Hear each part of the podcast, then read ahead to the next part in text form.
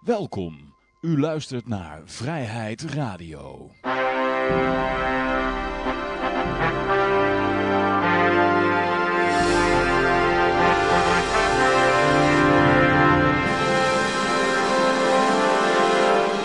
Ja, dames en heren, jongens en meisjes, dit is weer een nieuwe aflevering van Vrijheid Radio. Leuk dat u luistert. We zitten hier gezellig met de Libertaria met op dit moment eh, Peter, Jossi, Klaas en ikzelf, Johan. En uh, later in de uitzending hebben we ook nog een interview met Frank Karsten. En uh, ja, we beginnen gewoon even met de goud, zilver, bitcoins en de staatsschuldmeter.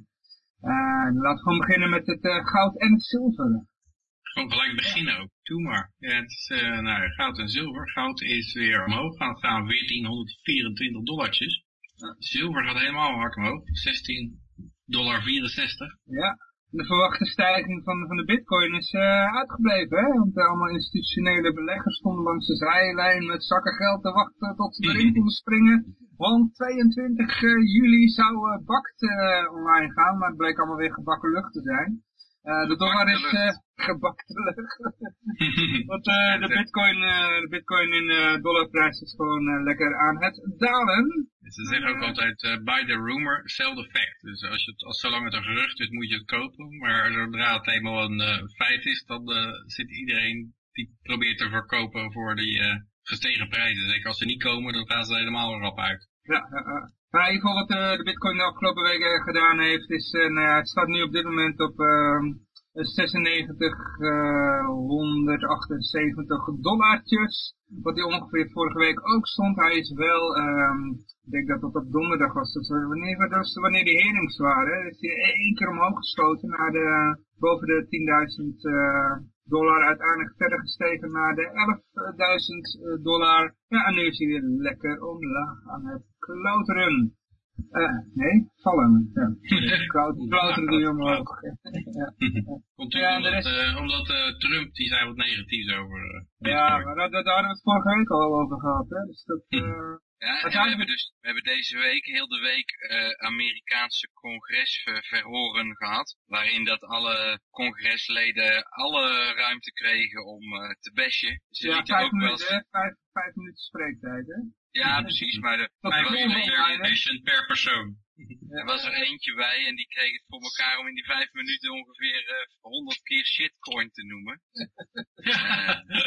Toch dus ja, Weet je wel, het, het, liet ook wel een beetje zien dat er een aantal van die mensen die zitten daar dan tussen. En dat ze, die moeten dus voor miljoenen mensen een beslissing gaan maken. En die stellen vragen. Dat je denkt van nou, ga eerst maar even je school afmaken.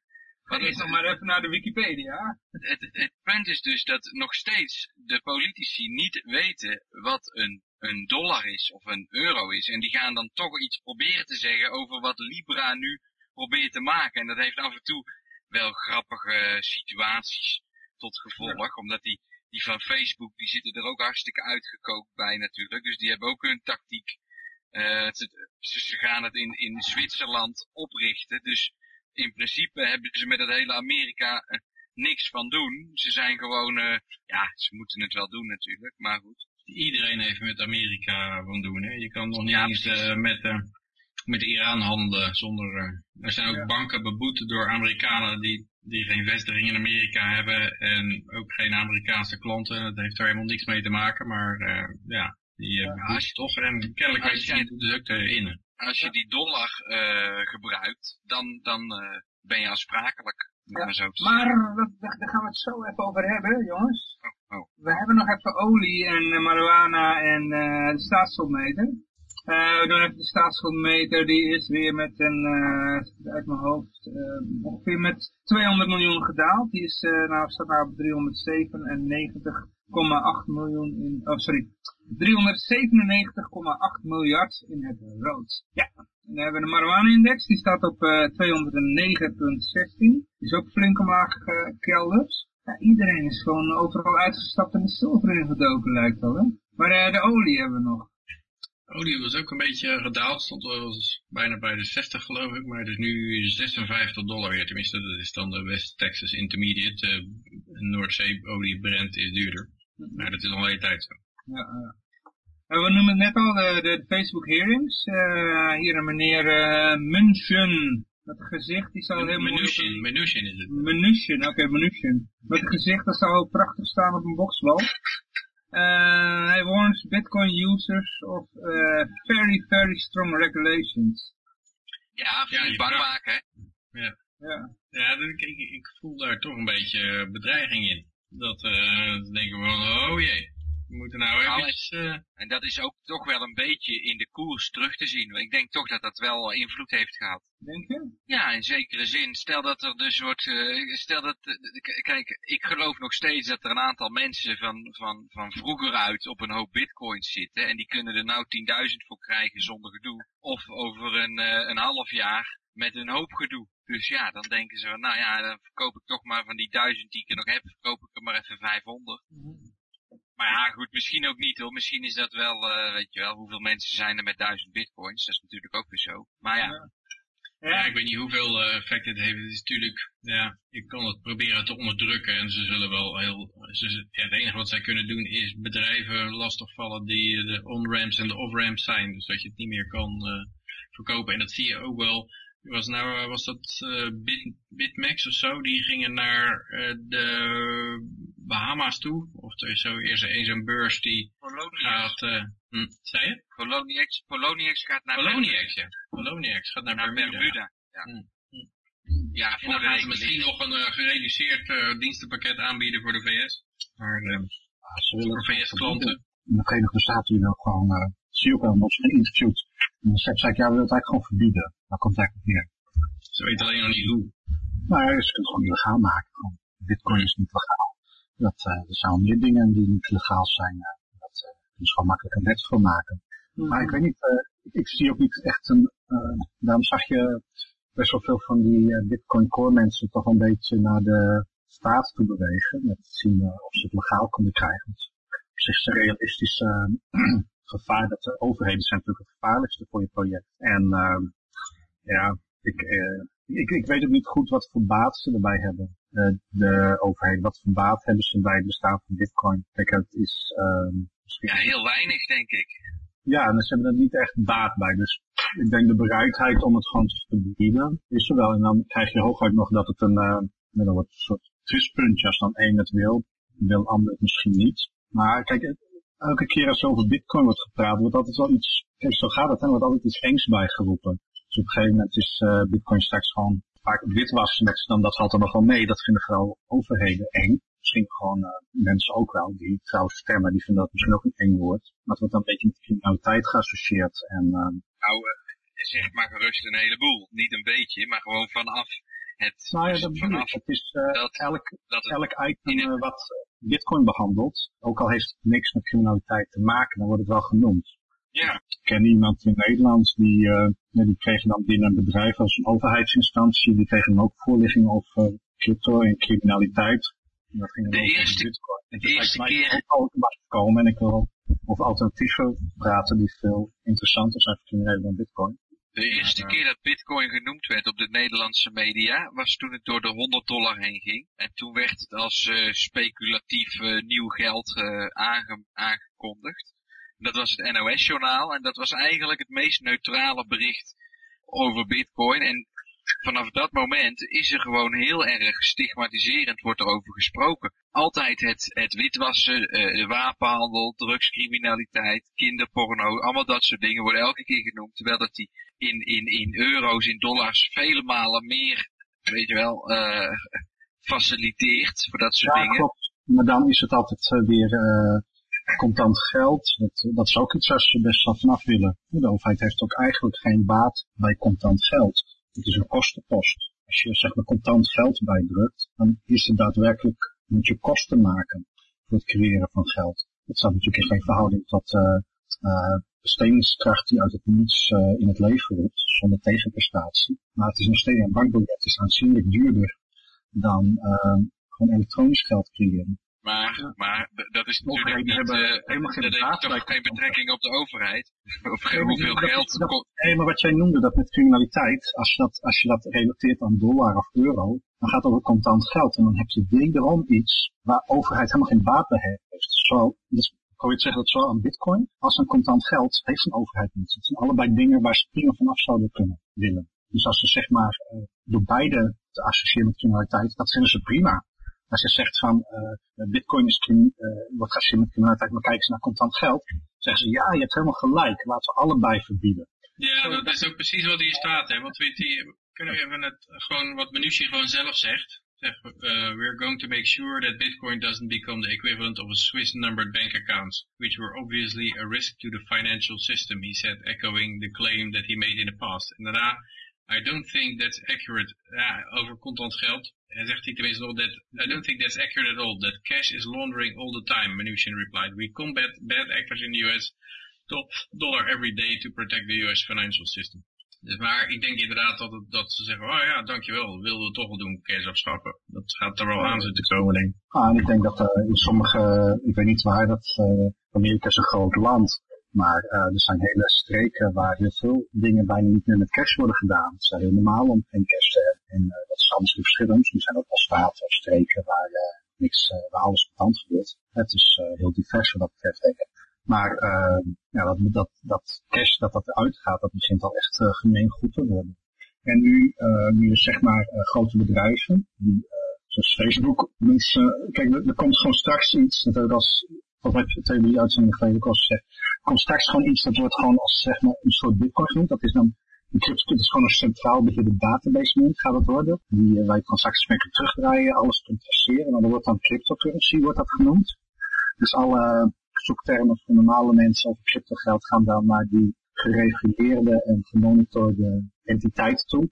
Kijk, uh, uiteindelijk, het wordt zoiets, uh, gewoon Google of Facebook of een, gewoon een pure overheidsinstantie gaat gewoon iets maken. En dat wordt het dan. En omdat dat bestaat, en dat is veilig, hè, want als je een foute transactie maakt, dan uh, kunnen, ze, kunnen ze je beschermen. Ik denk dat, dat soort dingen, dat soort onzekerheden die nu wel eens in uh, die munt zitten, dat gaat allemaal gebruikt worden. En dan wordt gewoon helemaal illegaal gemaakt als je, als je cryptocurrency gebruikt, dan, dan moet eigenlijk wel iets mis met je zijn, want we hebben een heel goed alternatief. Nou, en dat is op zich prima, want dan komt crypto weer terug bij het punt, de, de essentie van gedecentraliseerdheid, dat je juist niet bezighoudt met wat grote instanties van je verwachten. Want uh, ja, als, uh, dat is eigenlijk een beetje, kijk aan de ene kant, als je puur de kant van niet naar de gecentraliseerde macht kijken en niet zien wat zij willen, als je dat zeg maar heel erg benadrukt vanuit een uh, grote munt met je development team, dan kun je dat zeg maar haast, dan kun je daar zeg maar haast bij krijgen dat ze je gaan pakken, proberen te pakken. En ja, heel veel mensen die nu development zijn, die hebben allemaal een soort account bij uh, de Microsoft beheerder GitHub of weet ik veel wat. En dat zijn allemaal mensen die kunnen ze gewoon vinden. Ze hebben al hun telefoon, ze hebben hun mobiele telefoonnummer. Ze weten bij welke centinstallatie mensen wonen. Dus iedereen die betrokken is bij het maken van uh, cryptomunten, de meeste in ieder geval, ja, die mensen als ze dat willen, ik zeg niet dat het zo is, maar als ze dat in kaart willen brengen, dan is het zo goed.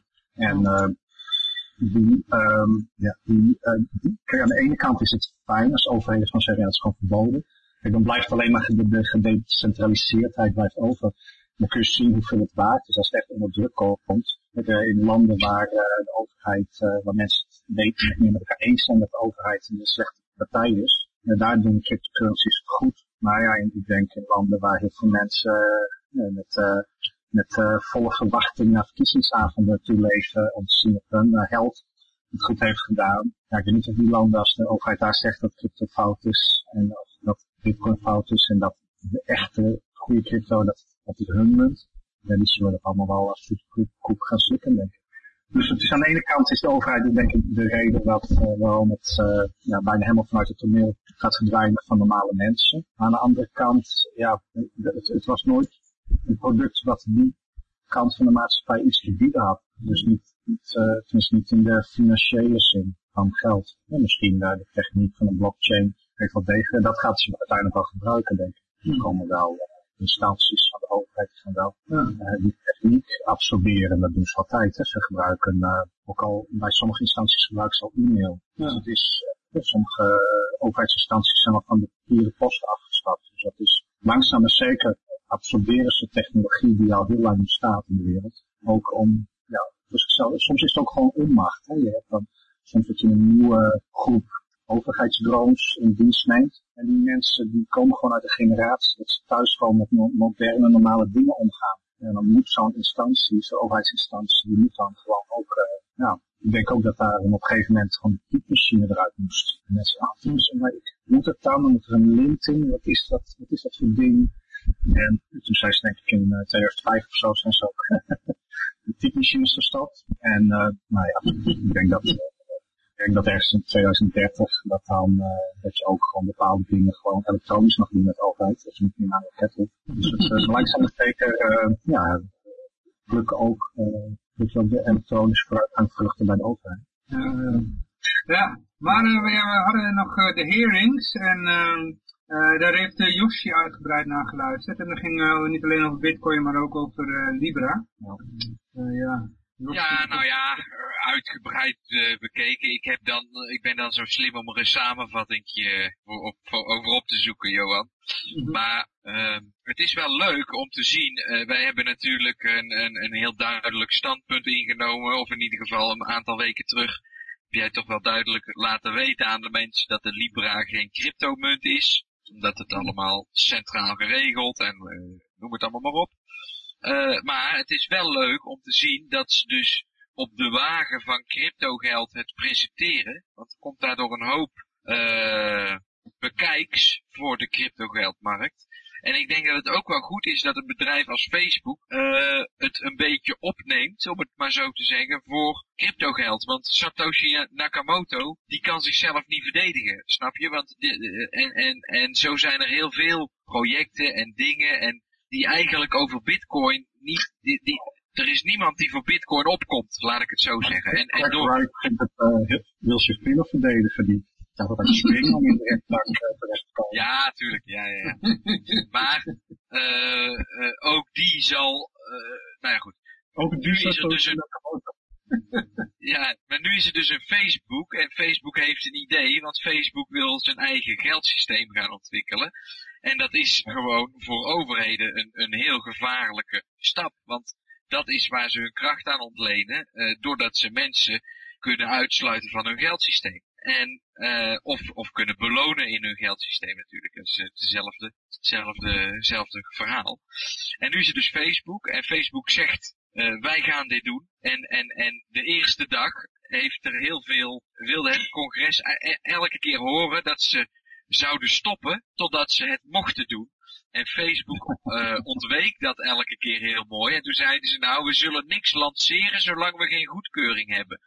Oftewel, we zijn er gewoon keihard mee aan het werk en we gaan er gewoon mee door. Mhm. En dan zeiden ze weer van ja, maar zouden jullie dan niet uh, het respect op kunnen brengen om te wachten tot er meer duidelijkheid is? Nee, want wij zijn nu gewoon, weet je wel, wij, wij brengen alle respect op om, er, om het uh, pas op het moment dat het goedgekeurd is te lanceren. Nou, en wat er ook wel grappig aan was, is dus om te horen dat heel veel van die volksvertegenwoordigers, nou ja, vrij weinig kennis hebben van de materie. Dat is, dat is jammer. Uh, uh, uh, wat wilde ik daarover nou specifiek vertellen? en het grappige is dus dat die man die daar van Facebook zit, natuurlijk een expert is op het gebied waarmee dat die, waar, waarop dat hij daar zit. En die, die ontwijkt dus sommige vragen. Er zijn namelijk twee dingen die dan door elkaar heen lopen. Dat is de cryptomunt, noem ik het maar even voor het gemak, Libra. En dat is de wallet voor de Libra en dat is de Calibra. En de, de wallet voor de Libra, daar moeten allemaal KYC regulations aan te pas komen. Want je mag alleen maar zo'n wallet openen als jij je, je, je overheids... Uh, uh, uh, papieren hebt overgedragen aan Facebook en, en ga ze maar door. Maar met dat geld willen ze alle ongebankierde mensen in de wereld helpen, weet je wel. En, en, en op die manier, kijk, je kan, waarom hebben die mensen geen bankrekening? Dat is voor de meeste uh, gevallen, is dat zo, omdat ze geen overheidspapier hebben. Die hebben geen paspoort, die hebben geen uh, papieren waarop staat wanneer ze geboren zijn en dat soort dingen. Dus daarom hebben ze ook geen bankrekening. Nou, en, en dan zeggen, zegt Facebook dus aan de ene kant, dat, dat zijn de mensen die we willen hebben, helpen. En dat doen we met Libra. En dan zeggen ze, ja, maar dat kan helemaal niet, want die mensen hebben geen papieren. Dan zeggen ze, nee, want Calibra gaat alle papieren uh, gewoon op de juiste manier allemaal doorlopen. En, en dat hebben dan de mensen die ze moeten ondervragen, die daar dus van het congres uh, de, de, de informatie moeten binnenkrijgen, hebben eigenlijk dat niet in de gaten, dat die fans van Facebook op die manier met Calibra en Libra een beetje een tricky spelletje speelt. Dus nou ja, dat was wel leuk. En sommigen zijn dus heel negatief en die noemen alleen maar shitcoin. En die, die hebben gewoon daarna waarschijnlijk een, een, mogen ze op vakantie met het hele gezin van de bank. En, en, en anderen die zijn toch wat realistischer en die zeggen van ja nou, dit, dit bestaat en we kunnen niet ontkennen dat het uh, uh, gebruikt wordt. En nou ja, goed, die zijn er dus in, hè, wat, wat, die durven het wat meer te benoemen, om het zo maar te zeggen. En nou ja, goed. Het was een interessante week, heel veel geklets en heel veel saaie bullshit. Ja, het was zelfs zo volgens mij dat die wallets, dat wordt er nog uitbesteed, hè. Dus bedrijven, iedereen die maar wil, die kan met een eigen Libra wallet komen. Ja, niet iedereen zomaar. En ik denk ook in het begin dat dat zeker wel afgesloten wordt voor de partijen die geld hebben betaald. Maar ze zeggen dan inderdaad dat het in de toekomst de bedoeling is dat, nou, en, en, en, en ja, goed, uh, het kan allemaal natuurlijk, hè. Ik bedoel, het is uh, tegenwoordig, de techniek is er al, dus dat is de uitvinding niet meer. Het is alleen, hoe kan Facebook het implementeren op zo'n manier dat ze het ja, door de, door de bullshit van, van overheden geaccepteerd te worden. Want dat is gewoon, uh, ja. Ja, uh, ik heb het ook een beetje gevolgd. Ik ging bijna sympathie krijgen op Facebook. Dus, uh, en die, die Marcus, die CEO van, van Libera, die, die deed best wel goed hoor. Nou, ik, ik, ik zeg al, ik ben blij dat er een partij opstaat die, die dit gewoon nu op de kaart zet. Ja, ja. Dat was ook een klein dingetje, was zo'n vrouwtje met zo'n wit jasje aan, ik ben even de naam kwijt. Maar die, die zei nog iets, um, ze, ze is een of andere strategy uh, dame. Uh, die, die op, ja, ja, ja, nee, die wist heel veel over crypto. Die zei, die zei op een gegeven moment een opmerking dat bitcoin uh, in de eerste vijf jaar amper gereguleerd was. En daardoor kon het zich helemaal ontwikkelen. Maar die zei eigenlijk van, ja, de eerste vijf jaar, 2014 is dus iets anders gebeurd, waardoor bitcoin zich niet meer ontwikkeld heeft. Nou, ja, dat, dat blockchain opgericht werd... Uh, in 2014 is het, dat is trouwens 2000, in december of eind november, begin december 2013, is toen Bitcoin voor het eerst besproken in het uh, Senaat van de VS. En toen is die een week daarna, daarop is die naar de 1200 dollar gestegen. En toen een maand later klapte. Gox. En toen kwam er toch wel wat nou, meer aandacht. Ja. ja het moet in mijn optiek uh, echte ontwikkeling kan alleen door een vrije omgeving en als dus Facebook nu aan alle regels gaat voldoen, nou dan, dan ben je gewoon een sukkel als je daar je geld in gaat steken. Ten eerste verlies je net zo hard aan de inflatie als je overheidsgeld, dus het heeft helemaal geen voordeel om het aan te houden, behalve dan dat je alles op Facebook ermee kan kopen. Uh, maar je raakt je privacy kwijt, je raakt alles kwijt, dus ja, ik, het, het, is leuk, lijkt me inderdaad, voor mensen in, in Afrika die, die geen bankrekening hebben, die op deze manier... Ja, je kan ook uh, Dash of Bitcoin Cash gebruiken. Dat kan ook, maar dat is dan toch weer net iets moeilijker als dat je het met Facebook. Ja. Ja, en die, um, maar ja, toch aan de andere kant die over privacy gesproken. Ik bedoel, wel liever dat Facebook gespioneerd dan door uh, de overheid. Door Facebook gaat mij niet uh, in de gevangenis gooien, laat ik zo zeggen. Nee, maar de overheid die kijkt natuurlijk bij Facebook net zo hard mee. Ja, ja. Ja, ik denk dat uh, ik las laatst een uh, paar Nederlanders van een beleggingssite en die zeiden, nou, uh, Libra maakt Bitcoin totaal overbodig. ik denk, dat heb je echt niet begrepen. Want ja, ten eerste, Libra is inderdaad centraal en de, en de overheid kan gewoon meekijken. En die zal ook gewoon zeggen van, ja, Pietje Puk, die moet je afsluiten. Want die heeft uh, hate speech gepleegd zo.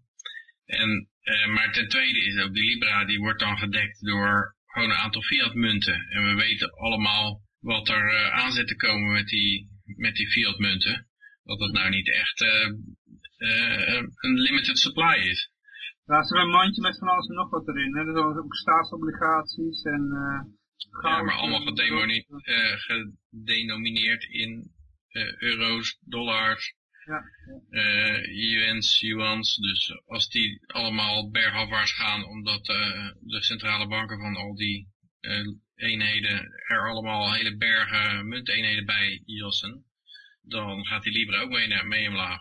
Ja, maar dat moet ook wel. Je kan niet, Facebook is niet machtig genoeg om te zeggen, ja, we gaan het niet uiteindelijk afhandelen in dollars. Kijk, er zijn hele landen waar het staatshoofd ooit van heeft geprobeerd om te dingen niet meer in dollar te doen gewoon ons zeep gebombardeerd.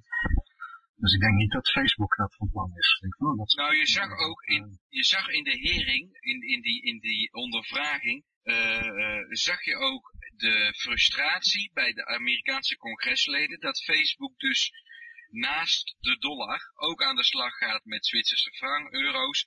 En dat ze dus een mandje maken van voor hun Libra. En uh, dat zag je wel een beetje, dat ze dat niet zo leuk Ja, dat is ook echt de vraag van, uh, en waarom zitten jullie in Zwitserland? Zo van, waarom niet in Amerika? Toen zei die gast nog van, uh, ging helemaal opzommen aan welke regulering hij moest voldoen in de VS en in welke in uh, Zwitserland, met andere woorden. Dan, waarom denk je dat ik in Zwitserland zit? ja, het vreemde blijft natuurlijk wel dat als je met Amerikaanse klanten zaken doet, dan zul je toch een Amerikaanse uh, regulering moeten voldoen. En dat, dat is ook de reden dat bijvoorbeeld uh, ja, Euro Pacific Bank gewoon geen Amerikaanse klanten accepteert. En er zijn wel meer van die ICO's die mogen gewoon niet aan de Amerikanen gedaan worden. Dat is ook de reden waarom zo'n Toon Vees, die was een uh, ja, zo'n zo bitcoin guru, die, die, ja, die had zijn nationaliteit anders opgegeven bij, wat was het ook weer, een of andere crypto account. En ja, uh, maar die accepteren dat in principe niet. Want uh, ja, er zitten gewoon te veel risico's aan vast voor ze. Mm -hmm. Het is wel, uh, wel begrijpelijk. Ja. Goed, ja, maar we gaan nog even door met de berichten. Ik heb hier nog een bericht wat we eerder hadden behandeld, maar die is nou ook op Zero Hedge gekomen. Het gaat over die, de, de, nieuwe Bitcoin miningsparadijs in Iran.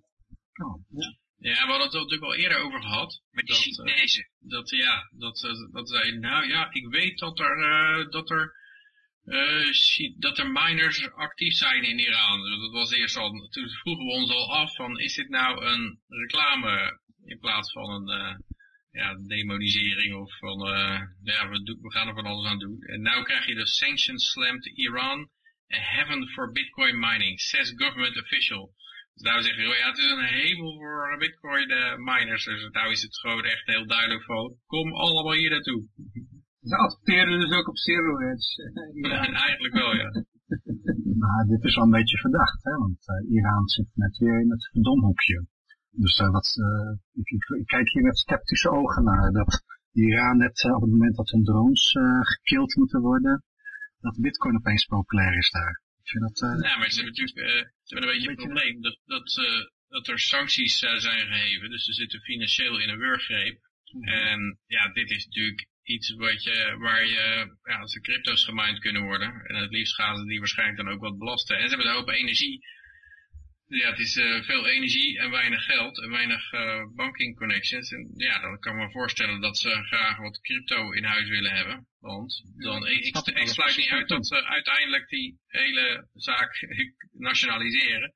Als ze er helemaal zitten. Maar ze willen natuurlijk die crypto's hebben om mee te kunnen handelen. Ja, ik had even een vraag. Dit is, uh, het... dit is, dit is ideaal twee voor één voor de overheid. Dan hebben ze het kwaadaardige Iran en die cryptomunten waar ze graag van af uh, willen. Dan kunnen ze dat gewoon in één, één potje gooien. Dat is uh, ideaal. Ja, dat is, uh, voor bitcoin is het niet zo geweldig inderdaad. Want uh, dan wordt natuurlijk gezegd, ja, het is duidelijk een terroristenmunt, want kijkbaar, Iran. Ja, precies, precies. Helemaal. Het is slecht nieuws.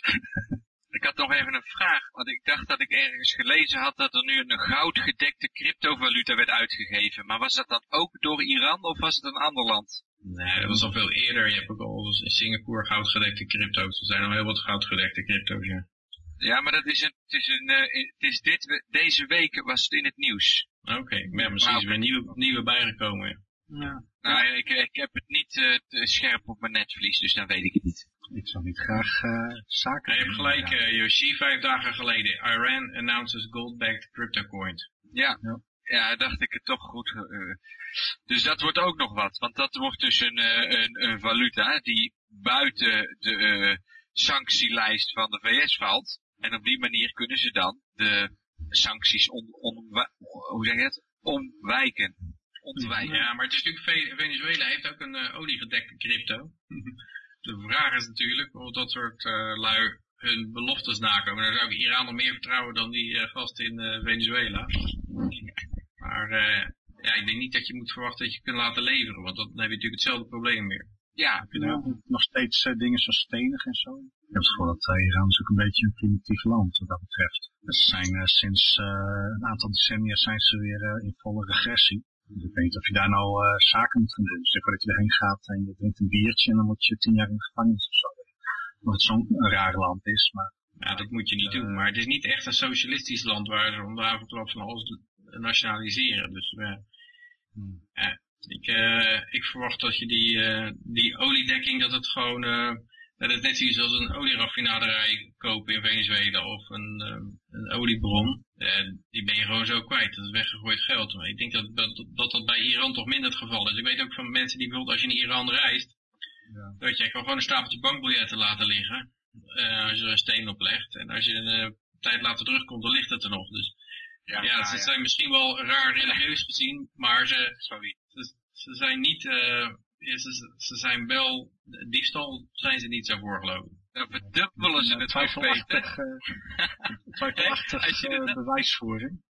Nou, maar dat is met, dat is, met, is in Japan ook, hè. Japan is ook zo'n land. Uh, ja, er zijn ja, het is natuurlijk niet altijd het geval. Maar er is een keer een Mexicaan, die was ook verbaasd over. Die liep met een plastic tas vol cash rond. Die ging even naar het toilet. Die had dat op het toilet laten liggen. Dat werd gewoon uh, achter hem aangebracht. Ja, uh, nou, ik ben wel bekend inderdaad met ze hè? criminaliteit in Japan iets uh, minder voorkomt dan in andere landen. En kijk, Iran is ooit ook een heel ja, verhelderend land geweest. Dus ik, ik heb zeg niet dat er allemaal rare mensen wonen, maar ik denk gewoon dat uh, ja, wat de mensen de afgelopen decennia hebben geaccepteerd aan machthebbers, dat is niet, uh, ja, ik weet niet, dat zou zoiets Nee, maar er wonen ook een heleboel rare mensen, dat zal ik zeker niet ontkennen. maar als, als je hand door afgehakt wordt, als je steelt, dat is toch wat anders dan Venezuela, denk ik. Die, die hele Zuid-Amerikaanse cultuur is gewoon heel erg van, uh, ja, uh, stelen. Je zegt gewoon weer een uh, wezige groetje in de, in de kerk op zondag en dan is het weer vergeven. Maar dat gaat in Iran volgens mij niet zo makkelijk. Ik denk ook dat bijvoorbeeld zo'n zo'n zo'n zo'n zo'n deal, dat ze dat ook wel nakomen. Dat, dat soort lui zijn het ook wel weer. Die, die, uh, er was ook geen enkel bewijs voor dat ze die, dat ze die deal, uh, die nucleaire deal, uh, dat ze daar niet eerlijk in waren.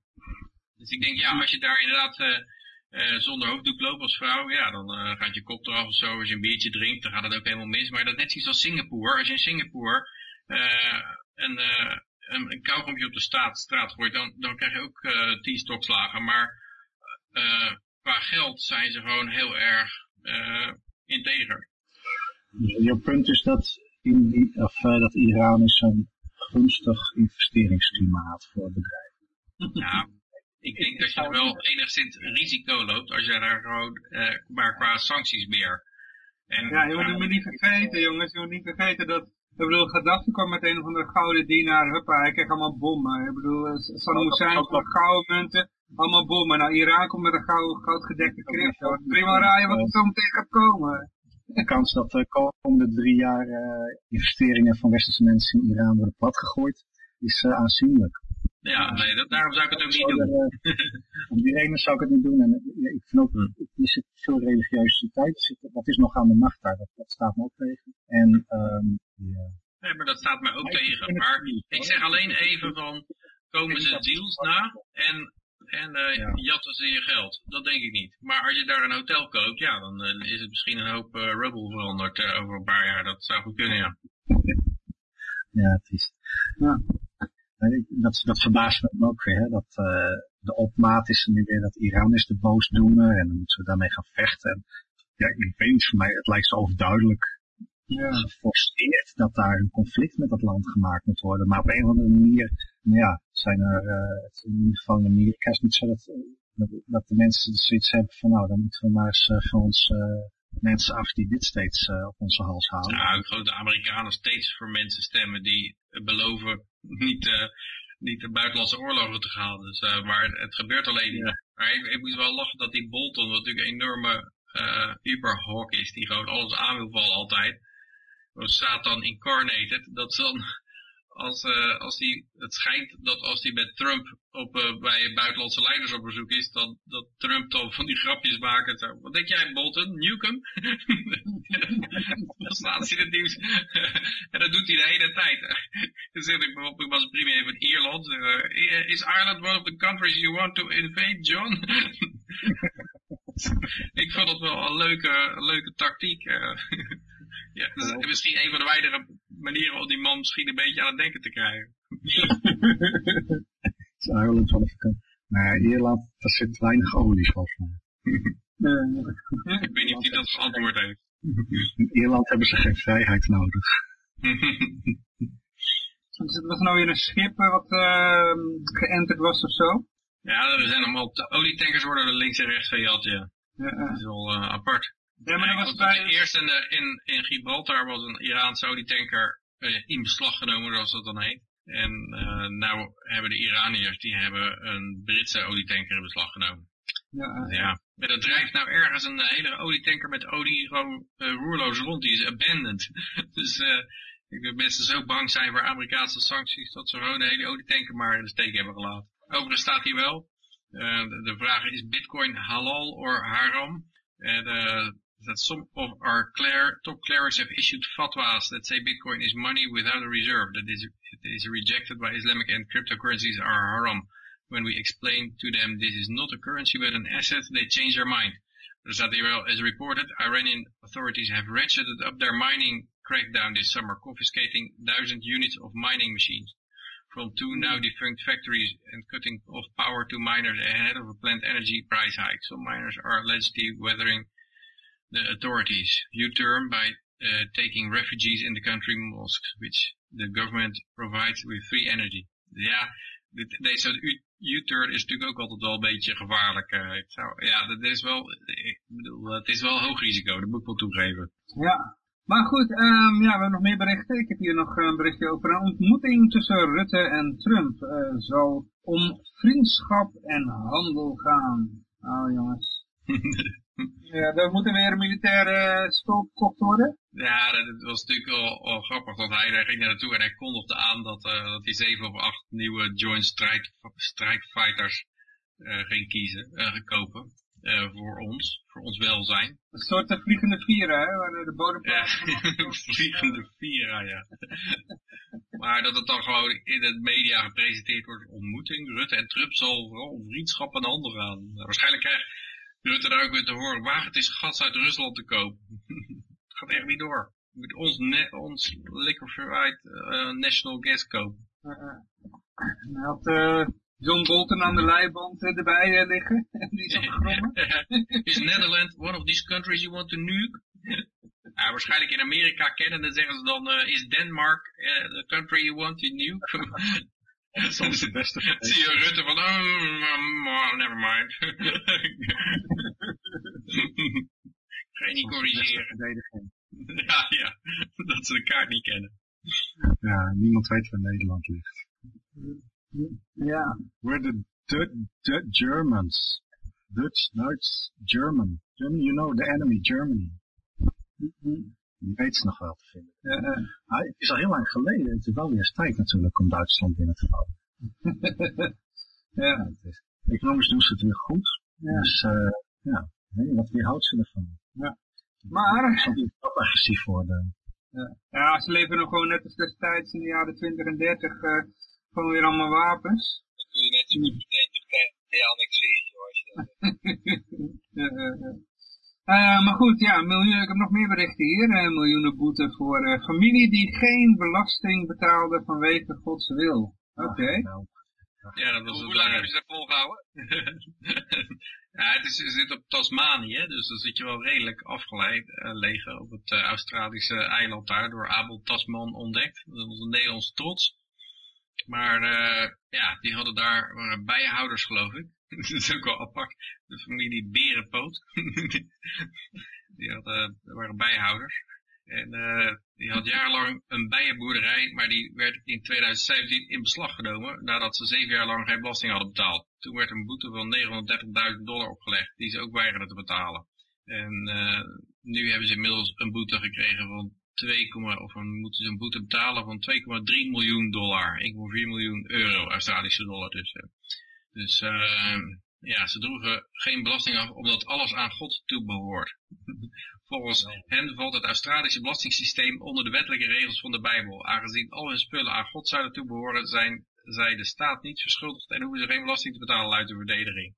De Australische rechter Stephen Holt counterde dat argument met de redening dat er geen passage in de Bijbel staat die zegt dat men geen belasting hoeft te betalen.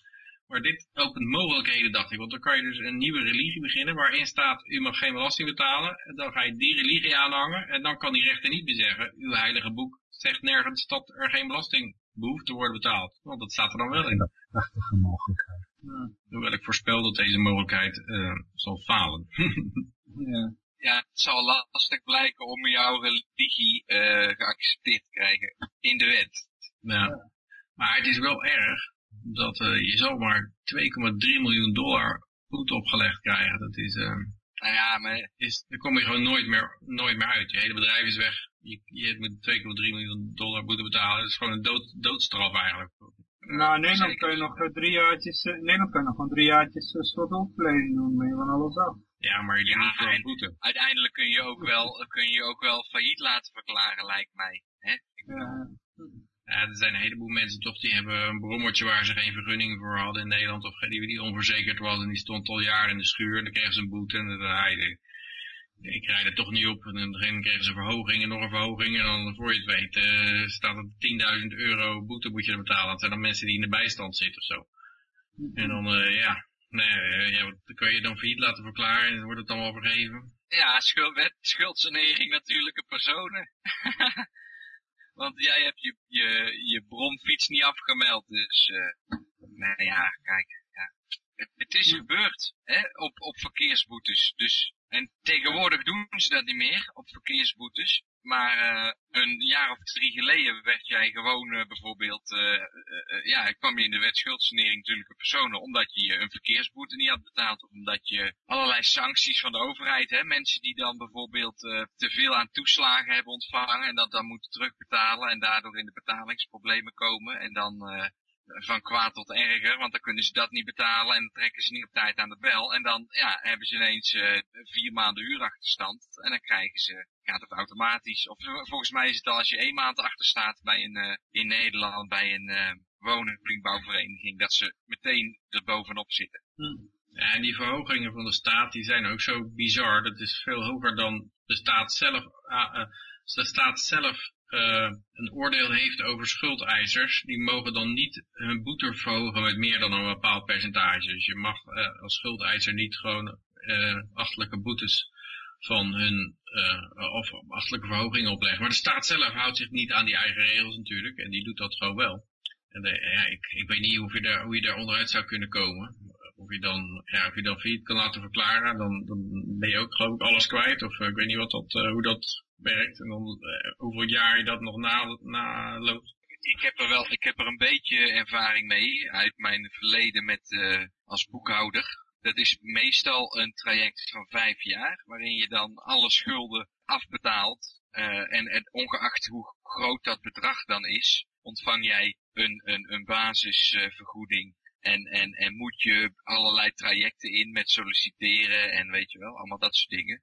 Maar dan, ongeacht hoeveel schuld het is, hoeveel, uh, hoeveel uh, het ook mag zijn, het is voor iedereen even lang. En je ontvangt allemaal evenveel geld in die periode dat het loopt. En daarna ben je weer vrij om uh, meer te gaan verdienen. Want in die periode heeft het dus geen zin om meer te verdienen. Want dan wordt alles je toch weer afgepakt. Ja, veel mensen gaan er gewoon in een uitkering zitten.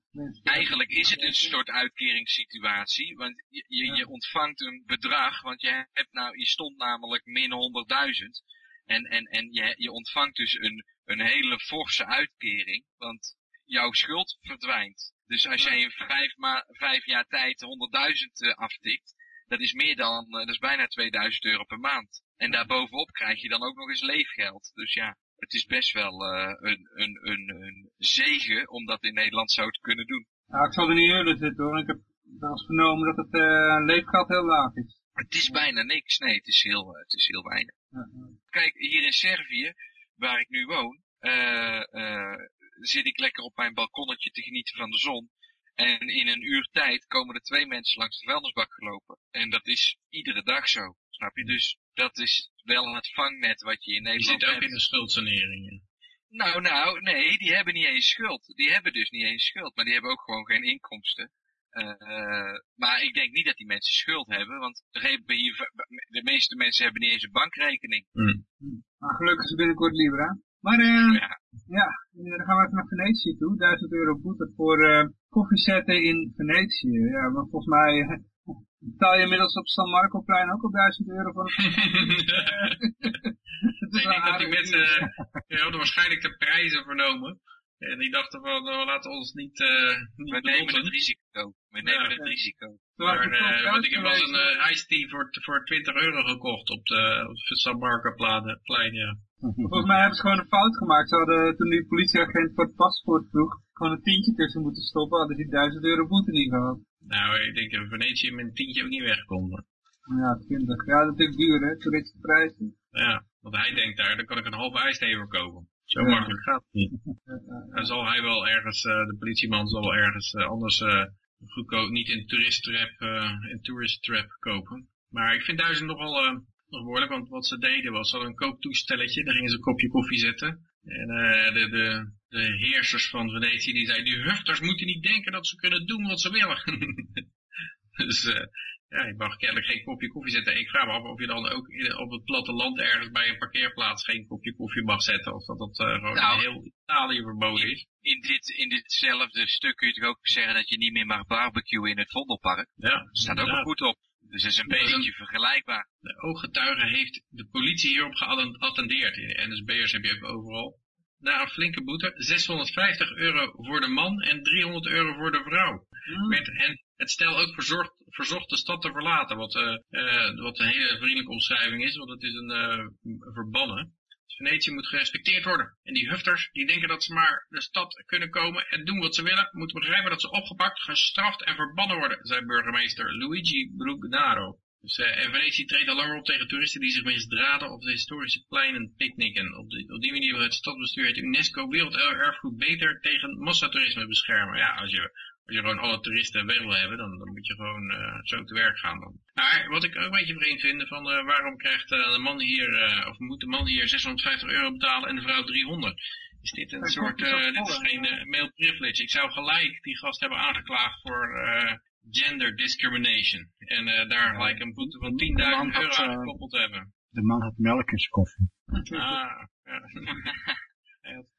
Europees Hof van de Rechten van de Mens. Maar het enige wat je dan bereikt, Peter, is dat zij ook 650 moet betalen. Verdomd, het gaat de, dezelfde kant op als dat contant geld verbieden en, en uh, bitcoinen. In, allebei in, dit verlengde, in dit verlengde, je mag, niet, je mag niet barbecue in het Vondelpark. Wat is de boete als je gaat barbecue in het Vondelpark? Dat zal ook niet meer mals zijn. Dat zal ook wel tegen de 500 euro aan zitten, denk ik. Ik weet niet, zijn er geen mensen die barbecue in het Vondelpark? Volgens mij is dat een aantal jaar geleden verboden, barbecue in het Vondelpark. Open vuur, open vuur. Nou, daar hebben we Google voor. Dus als je een elektrische grill meeneemt met een enorme accu ernaast, dan mag het wel. Of een feit. Ja, eh, we zoeken het even Maar uh, staat hier uh, de, een selfie maken op de rand van het Trevi-fontein is ook fout. Een ijsje eten op de Spaanse trappen. Maar het zou mij kunnen gebeuren hoor, dat ik een ijsje koop en dan ga ik een beetje doorlopen. Dan kom ik bij de Spaanse trap aan, eet ik daar een ijsje. Dat is dus kennelijk ook niet goed. Of lekker de schoenen uittrekken bij het Pantheon na een lange wandeling door de stad. Ook, uh, ook een boete. Ik hoorde ook al zoiets van Frankrijk. Dan kon je ook gestraft worden voor het uh, autorijden met sandalen. Kreeg je ook uh, en allemaal honderden euro's. Ja, is in Spanje ook zo. Ja, en, en ook een gepassioneerde discussie voeren met de bijrijder. Of uh, zoenen, nou ja, dat is misschien inderdaad niet, uh, is een beetje gevaarlijk wel. Ook uh, op, met een koptelefoon oprijden, ook een boete. Oh, en, en iets eten in de auto. Of een glaasje water drinken in de auto, is ook een boete. Of een beetje water drinken. Dus je moet, ja, je moet maar doorrijden. Dehydrated knal je dan ergens tegenin. Dus ja, ik mocht geen water drinken. En dan de overheid aansprakelijk stellen. ja. Nee, dan zeggen ze dus, ja, u moet elke twee uur moet 15 minuten stoppen. Ja, nee, maar dat is de eh, vrachtwagenchauffeurs zijn het verplicht. Mm -hmm. Ik heb en een sigaretje ook in de auto. Uh, zou dat dan ook al, uh, ook al in België, in, in, in, België en Engeland mag je niet meer roken in de auto als er een kind in zit. Ook als het je eigen kind is. Jij zou daar een uitzondering voor willen maken, of je eigen kind is of iemand anders een kind? Uh, Jij zou dat verschillend willen nou, ja. Je zegt dat er zo specifiek bij, ook als het je eigen kind is. ja, ik vind toch dat je eigen kind iets meer van jou is dan je andere kind. Iemand hmm. anders kind. Dus als jouw eigen kind met een vriendinnetje achterop zit, dan voor weg. Nou, ja, nou precies. Nou, stel dus dat ik eh, altijd mijn eh, dochter eh, van school haal. En dan rook ik in de auto. Maar die dag heeft ze, heeft ze een vriendinnetje bij. Ja, dan, dan is dat niet mijn eigendom.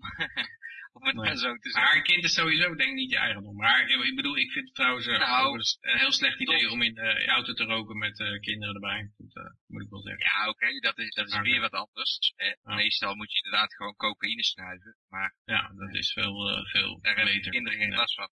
ja, geeft een beter voorbeeld. En, en je rijvaardigheid gaat er ook enorm vooruit. Want je reflexen die eh, enorm natuurlijk. Heel erg flex. Eh, nee, allemaal eh eh, ongein natuurlijk. Dus eh, cocaïne na de uitzending in plaats van voor. Ja, oh ja, oh ja. Ik heb trouwens nog even de regels voor het barbecue in eh, Amsterdam. Ja, dat- maar inderdaad, Oh. in eh Vondelpark is het eh, inderdaad wel verboden. Andere Er staat parken er ook, niet. staat er ook de, de boete op, de sanctie. Werken bezoekers die het eh, 26 verbod stokslagen. riskeren een boete van eh 90 Nee. euro. Oh, 90. Oh, nou ja. Eh. Dus eigenlijk kun je gewoon barbecue in het Vondelpark voor 90 euro. Dat staat. ja. Ja, ja, ja, ja, ja, ja. Dat is goedkoper dan een vergunningsprocedure waarschijnlijk. Denk ik, Sneller. ja. Ja. Ja, maar je mag die barbecue niet verkopen, hè? Je mag, ik bedoel te zeggen, je mag dat vlees op die barbecue niet verkopen. Dus het is niet zo dat je het eh, dan kan, want dan ben, krijg je er een dubbele boete op. Want dan ben je ook nog eens eh, zonder vergunning een, een, een, handel aan het drijven. Dus dan, eh, Voedsel- en Warenautoriteit heeft dat toch gewoon helemaal niet goedgekeurd. Maar je mag het wel dat, ja. weggeven. Mag je het wel weggeven dan? Nee, want dat is ook een wet. Of in ieder geval in Breda is het een wet. Ik denk dat het in Amsterdam ook een wet zal zijn. Dat je geen voedsel gratis mag verstrekken. Mag niet. Geen bereid voedsel hoor. Eh, eh, voedsel, maar maar- ja, Maar vraag me af of als ik jou uitnodig bij mij thuis en ik, eh, ik geef jou een maaltijd. Of ja maar mag niet in, gewoon het open, eten. niet, niet in het openbaar. Oh, openbaar, oké, oké. onvoorwaardelijk. Toen dat is eh, besloten, heeft een vriend van mij eh, een, eh, een gaarkeuken o- opgericht. Om een, om een punt te maken dat het eh, ja, inhumaan was. Want allerlei eh, instanties, als bijvoorbeeld, eh, hoe heet die ook alweer? Leger des Heils. Ja, ik wilde zeggen, die, die, die, Hells Angels, eh, maar goed. De hel Angel. Het leger des Hel- Hells Angels. Die, die kunnen dat soort eh, gaarkeukens, wat ze in het begin deden, kunnen ze niet meer doen. Hier doen ze Ja, nog wel eens. Bij ons, eh, bij ons geven ze nog uh, soep weg en zo. Ja. Ja, er zijn heel veel Amerikaanse steden verboden om de armen te voeden. En er zijn ook mensen die zich daar gewoon keihard voor hebben laten arresteren. Ja, ja. Ja, Ja. het is ook eigenlijk eh, erg vreemd natuurlijk, hè. Maar ja, aan de andere kant, Het is voor hun eigen ze moeten die veiligheid. hè. controle... Ja, Kijk, die, al die, die zwervers die eh, op een hele on, onhygiënische manier onder bruggen slapen, die zouden wel eens ziek kunnen worden van een bakje soep. ja, ja kun je het beter laten uithongeren. Want dat, dat is gewoon eh, heel goed voor hun, Ze ja, moeten weer uit de hongerdieet. Lang leven. Je ja, je wil niet dat hun spijsvertering zeg maar energie kwijt is met het verteren van soep. Alle energie van het lichaam moet eh, naar hun ziekteproces. Ja, ze moeten gewoon weer uit de vuilnisbak graaien. Dat is Ja. beter. Maar het is bereid voedsel, begrijp ik niet. Ja, ja. Dus niet bereid voedsel, maar gewoon. Wortels en Zullen zo. ook alweer, zullen ook alweer regels voor zijn? Mogen alleen vies, vies voedsel geven. Maar een heerlijke burger, dat mag niet. Nee, maar goed, het CBS, eh, het volgende bericht, die eh, steeds meer mannen kunnen of willen niet werken. Ja, ik, ik- ik leef met ze mee. ja Maar ik hier moet morgen, er ik hier- moet morgen hier om zit er 7 een. uur op. Ik wil inderdaad geen bijdrage leveren aan de Nederlandse economie. Zo is het maar net. Ja, dus En, en deels, deels komt dat voort omdat ik dus geen bankrekening had. En als jij contant betaald wil worden voor je werk, dan is dat niet mogelijk. In Nederland moet jij al je salaris op de bankrekening ontvangen. Nou ja, goed, als je daar dus geen zin in hebt zoals ik, dan kun je niet werken. Als je dan zegt, nee, ik zou graag mijn salaris gewoon eh, cash willen ontvangen, dan kijken ze je aan alsof dat je van een andere planeet komt. Ja, het staat hier het aantal Nederlandse mannen tussen 25 en 45 dat niet actief is op de arbeidsmarkt wordt steeds groter. Volgens het Centraal Bureau voor de Statistiek gaat het om mannen die niet kunnen of willen werken. De groep mannen die niet wil werken wordt niet gezien als werkeloos, aangezien ze niet naar een baan zoeken en niet beschikbaar zijn voor werk. Dat is hetzelfde wat je in Amerika hebt, van die, dat, eh, Trump die zegt al, ja, de werkeloosheid is op een record laagtepunt, maar je hebt iets van bijna 100 miljoen mensen die niet in de arbeidsmarkt ar- participeren. En dat komt gewoon omdat zij de regel hebben dat als jij drie maanden lang eh, gesolliciteerd hebt en het dan eh, maar opgeeft, dan, eh, ook als je niet opgeeft geloof als je drie maanden lang gesolliciteerd hebt, dan, dan ben jij een ja, demotivated worker of zo en dan ben je niet meer werkloos. Dan, Dan rekenen ze niet meer mee met de werklozen. Dus ja, zo gaat het cijfer wel omlaag natuurlijk. En ja, je kan je afvragen waarom dat zo is. Maar ik denk dat, ja, dat een hele hoop mannen misschien het ook helemaal beu zijn om overal altijd de schuld van te krijgen en hogere boetes moeten betalen als je een kopje koffie zet op de, in Venetië. En ja, en, ja het is altijd de, de boeman en white privilege. En ja, ik denk dat ze op een gegeven moment ook denken, ja, ze zoeken het maar uit. Ik ga wel lekker mijn hand ophouden. En, uh, ik denk ook dat er heel veel alternatieve geldstromen zijn ontstaan. Zoals bijvoorbeeld een bitcoin, zoals bijvoorbeeld een poker. Uh, zoals bijvoorbeeld, nou ja, allerlei manieren. Uber, uh, waar je in principe uh, ongeregistreerd je, je gang kan gaan. Um, en zo zijn er gewoon een hoop uh, vormen van geld vergaren bijgekomen. Waardoor dat je niet per se in het traditionele model past van arbeids- of werknemer, laat ik het maar zo zeggen. Ik heb bijvoorbeeld een vriend van mij en die speelt zoveel uur per week poker. En daar verdient hij zijn geld mee. Maar ik denk dat hij bijvoorbeeld in zo'n groep mensen valt. Maar er zijn er andere mensen die verliezen met poker, toch? Het is een beetje een zero-sum game. Dat is zo. Uiteindelijk wint alleen die site, want die pakt de hele tijd geld van elk potje. Uh, maar uh, er zijn een uh, vaardigheid, hè? Dus sommige mensen zijn er gewoon echt heel goed in. Ja, ja zeker. dus ja, maar dan zullen... noodzakelijk verliezen er andere mensen. Ja, ja maar die kunnen, die kunnen bijvoorbeeld wel gewoon werknemer zijn ja, bij een bedrijf. En die hebben dan hun eigen bron van inkomsten. En die spenderen dat aan een leuk potje poker. Die zien dat niet als hun bron van inkomsten, maar hun, hun manier om een leuke zaterdagavond te hebben bijvoorbeeld. En, en dat kan dus, dan uh, dit soort mensen, ja. Ja, ja en, en, en die mensen die daar het geld uit weten te halen, ja, die hoeven dus niet uh, uh, van 9 tot 5 op kantoor te zitten. Want die hebben, of, of die hebben bijvoorbeeld uh, 100.000 likes op Instagram, omdat ze iedere dag naar de sportschool gaan. En daardoor krijgen ze een paar duizend euro als ze een bepaalde shake gaan drinken. Ik noem maar wat. En dat is gewoon de realiteit van vandaag. Dus bijvoorbeeld een Enzo Knol, snap je? Wat doet die gozer? Die maakt gewoon een filmpje in zijn huiskamer en dat zet hij op YouTube. En, en, en iedereen die vindt het leuk en, en daar maakt hij zijn geld mee. Dus zulke gasten, en net als ik heb geld verdiend met bitcoin. Het, kijk, als ik honger krijg, dan ga ik wel weer werken, maar zo is het niet, snap je? Ik heb gewoon een leuk leven. En, en ik hoef niet te werken om, om in mijn uh, uh, behoeftes te voldoen. Ik kan alles doen wat ik wil. En, uh, je hoeft nog niet in die vuilnisbakken te graaien, dan kijk je nee, precies, precies. Dus ik, ja, ben, nee, ik, dat, ik, ben, ik ben een van die, uh, want dit is tussen de vijf, ik ben 32, dus ik hoor bij deze groep uh, jongeren, ik reken mezelf als jongere dan maar. Uh, ik zoek geen werk en ik draag niks af aan Nederland en ik draag niks bij aan het hele systeem. En dat hebben ze een beetje aan zichzelf te danken door mij mijn bankrekening maar af te pakken en te zeggen van ja, zo moeten we het niet. Ik zeg nou oké, dan doen we het maar niet. Hè. Dan doe ik het wel op mijn eigen. Dus zo, tenminste, dat heb ik niet, hè, dat heb ik tegen mezelf. Maar er staat die Nederlandse mannen, ik vraag me af of dat Nederlandse mannen zijn die nog in Nederland wonen, of is dit ook, zijn er misschien een heleboel Nederlandse mannen die geëmigreerd zijn en die gewoon lekker even in een arm je zit in Vietnam en uh, je levensonderhoud uh, kan je daar regelen van, voor 1500 euro in de, in de maand of zo. misschien nog wel een stuk minder eigenlijk, denk ik. 1000 euro of zo. En ja, misschien hebben ze een, een hebben ze een huisje wat ze verhuren hier of zo. En dan zeggen ze van, dat is, ik vind het wel weer genoeg geweest. Zal ik, jou chockeren, zal ik jou chockeren, Peter? En als ik denk dat, als ik jou zeg dat jij in Vietnam waarschijnlijk voor 200 euro per maand heel ruim kan leven. Dat, uh, ja, dat is wel heel erg lekker, ja. Misschien moet er nog eens over gaan denken, ja.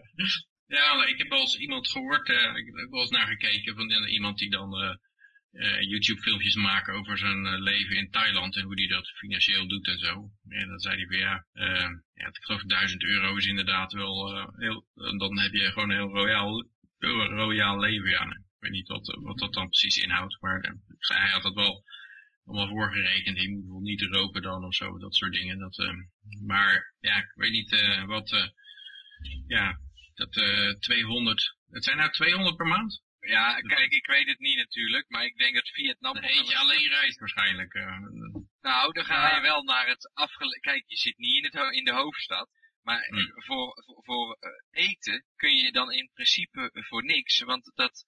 Uh, dan, dan, dan leef jij in een gemeenschap, als ik hier ben, zeg maar, dan zou dat in principe als ik me meer in zou zetten met die mensen, dan, dan kan ik elke dag wel ergens mee eten, snap je? En dan ben je dus aan eten niks kwijt. Nou, de, uh, ja, maar dan word je ook verwacht dat je hun af en toe allemaal uitnodigt. En, uh, dat, dat ja, oké. Okay. Nou ja, dat je een keer meehelpt wel, ja. En dat je een onderdeel bent van, van, van de, het geheel. Hm. Dat wel, ja. Dat is zo, dat is zo.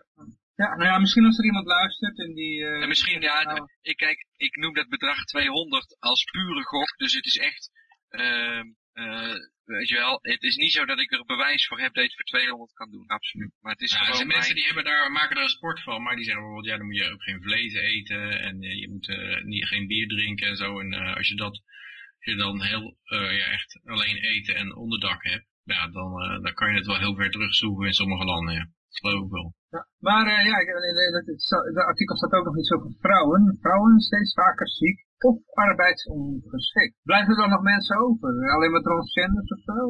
Nee, ik denk dat uh, ja, de enige zijn die nog werken, Johan. Nee, ja, ik denk, ik denk dat al die geïmporteerde vluchtelingen heel graag aan de slag gaan. die geloven nog in de Dutch Dream. Dat is maar. Ja, nee, maar die zijn, die zijn hartstikke blij dat ze hier uh, een baan kunnen vinden. Die zijn super gemotiveerd. Ja, ja de, die geloven nog in de Dutch Dream, de nivellering. Dat als je één dag, per week, één dag per week hard werkt, heb je ongeveer evenveel te besteden als dat je je hele leven heel hard. Nee, maar die, die, die zijn blij, die zijn blij dat ze in Nederland, dat ze in Nederland kunnen zijn waar er een riolering is met stromend water en, uh, en waar de stroom nooit uitvalt en waar ze internet hebben wanneer ze wacht willen. Maar, wacht maar. Dat ja, en de, nu. Een paar jaartjes GroenLinks en het nee, wacht, kijk, dus ik denk inderdaad dat, dat het hun niet zoveel uitmaakt uh, hoe weinig dat ze overhouden. Want ze zijn in een hele mooie plek volgens hun en daar willen ze blijven. Dus ze hoeven, daar, ze hoeven niks te sparen, weet je wel. Die mensen die, die zijn blij als ze aan het eind van de maand gewoon nul spelen uh, en in een mooi huis wonen. Ja, ik was in Thailand en toen had ik een noodpaspoort nodig. Zat ik te wachten bij het, het bij de Nederlandse ambassade. En toen kwam er ook zo'n zo'n Nederlander een beetje aan de praat. en ja, die leefde daarvan, nou weet je geloof ik. En die zat ook ergens in het noorden van Thailand. Waar het dan heel goedkoop is in het platteland. En dan had hij een, ja hij moest dan zijn, met zijn brommertje moest hij om drie uur s'nachts vertrekken. En dan reed hij met een brommertje helemaal naar de ambassade toe moest hij daar zijn bewijsje ophalen dat hij zijn AOW nog kreeg. En dan reed hij weer daar, en dan kon hij daar een verblijfsvergunning mee krijgen. En dan reed hij weer helemaal terug. En uh, ja, je kan er, uh, er, zijn, er zijn denk ik inderdaad heel wat, wat mensen, vooral Nederlandse mannen, die denken van, nou ja, op zich, het, het, ik, het is mij wel eens opgevallen dat heel veel mannen die gaan graag naar landen toe die heel goedkoop zijn. Kijken eens op waar is het bier het goedkoopst. daar ga ik zitten. En heel veel vrouwen die willen graag naar New York, Londen, Parijs, Sydney, al van die hele dure steden toe. en, uh, lekker shoppen. Ja, ja, lekker shoppen inderdaad. in de, nee, die, de creditcard van man. Die hopen Nee, maar de, het rolmodel is ook uh, in Sex and the City. En dat, die lopen de hele tijd natuurlijk met van die, uh, van die tasjes rond uh, te, door de Fifth Avenue. En uh, ja, dan gaan ze daar maar naartoe om een geluk te zoeken. Maar misschien ook om een rijke man aan de haak te slaan of zo. Ik weet niet wat uh, ja, daar ik, doel van is. Denk maar... dat die allebei, ik denk dat ze allebei op zoek zijn naar hun eigen ideale partner. En die vent die wil een goedkope vrouw. En die vrouw die wil een dure vent. Ja. En daarom gaan ze naar die locaties. Ja. En het levert op zich wel interessante ontwikkelingen op natuurlijk. Daar hoef je geen moeite voor te doen, denk ik. Wat, wat Klaas? Nou ja, voor een uh, bierdrinkende man uh, hoef je niet uh, naar de hele wereld af te reizen natuurlijk. Nee, maar als je nou in Parijs bent, dan kost dat biertje wel vijf keer zo duur als in Thailand. Ja, de meeste mannen die denken toch van, nou, dan valt dat al af, dat is het me niet waard. nee, precies. En degene die, die mannen die dan overblijven in Parijs, die willen die vrouwen hebben. Die denken, ja, die betaalt vijf euro voor zijn biertje. En die vent die denkt, ja, ik moet gewoon een leuk vrouwtje zien te vinden die, die, die geen uh, capsones heeft. Dus ik ga wel naar het platteland, ergens in Thailand, vind ik er wel een. Ja, dus die mannen die gaan uiteindelijk allemaal uit Parijs weg.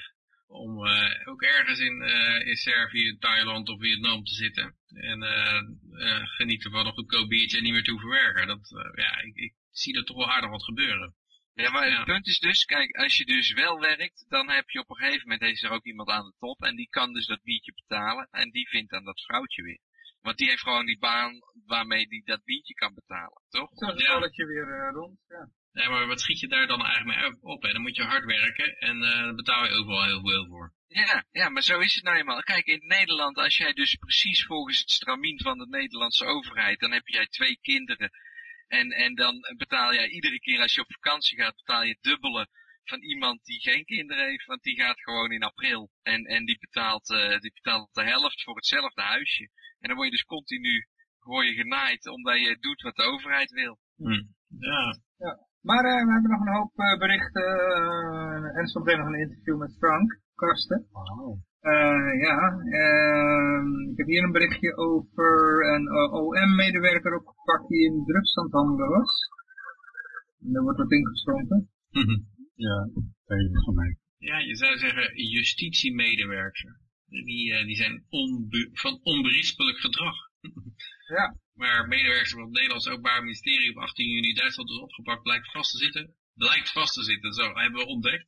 Voor een forse drugszaak. In de auto waarin zij reed zijn 2 kilo cocaïne, 6 kilo amfetamine en 10.000 ecstasy-tabletten gevonden. Ik dacht natuurlijk van nou, als medewerker van justitie eh, loop ik geen enkel risico. Dat bevestigt het Openbaar Ministerie in Duitsland aan de Telegraaf. Dus uh, het Nederlands uh, Openbaar Ministerie hoor je daar niet over. Reed ze in een oude auto? Um, ja, jij, jij, jij gaat zeggen van ze heeft iets fout gedaan. Ze reed in een, in een Lamborghini of zo. Nee, nee, nee, nee, nee juist niet. Nee, uh, dat uh, uh, vriend van mij die had een uh, relatief oude auto, 20 jaar oud of zo. En viel op als hij daarmee naar Duitsland ging, dan werd hij veel vaker aangehouden. Oké. Okay. Justitiemedewerkster werd opgepakt in de omgeving van Bonn in, in een auto die volgens de woordvoerder van het Duitse OM geprepareerd was voor de smokkel van drugs. Ah. Dochter en schoonzoon zaten er ook bij. Ook die zijn aangehouden. Kan ik verdienen ze niet genoeg of zo? Uh, dat ze wat bij moest klussen? Ja, dus ik denk dat dit, dit een bewijs is dat de salaris omhoog moeten. Bij, uh, ja, dit, was gewoon, dit was gewoon uh, voor haar promotie moest ze dit doen. ja, ze, ze, deed onderzoek naar uh, drugsmokkel. ze was, was op een actie bezig om een uitlokactie. Ja. ja. Je had laatst wel die actrice, die, uh, een of andere actrice die opgepakt was uh, bij een festival, die stond daar drugs te verkopen. Die zei, ja, het was om me in te leven in een rol. Uh, ze zijn er maar uitgezocht of dat uh, verhaal wel klopte, maar... ja. En, en zei ze, oh nee, dan, dan is het goed. Nee, dan is het goed. Hey, oh, oh, om je in te leven in het rol, dan maakt het niet uit. En dan de volgende acteur begint in wilde weg mensen neer te schieten. Nee, dat geeft niks, geeft niks meneer, we begrijpen het. Het is een filmopname. ja, ik leef mee in mijn, in mijn karakter. Ja. Nou ja, wat ook wel opvalt, is, ik las laatst een bericht op CNN en daar stond dan, ja, uh, de ruimte moet gereguleerd worden, want anders dan maken mensen dat helemaal kapot. En dan denk je altijd van, oké, het zijn nog geen mensen die het reguleren gaan doen, want als mensen de ruimte kapot maken, dan kan je ook niet mensen het laten reguleren, want dan gaat het ook kapot. Want het zijn, zijn allemaal mensen dan. Als, als mensen het probleem zijn, tenzij natuurlijk de overheid niet bestaat uit mensen, maar uit lizards, dan klopt dat hele verhaal weer allemaal. En, uh, maar hier zie je ook maar weer bij deze nee, maar de, de, dat de, overheid niet... De lizards kwamen uit de onderaarde. Ja. Maar in ieder geval, het moet in ieder geval geen mensen zijn, de regulator, regulatoren, want anders dan klopt het hele verhaal niet dat mensen de ruimte kapot maken, dat het daarom door ze gereguleerd moet worden.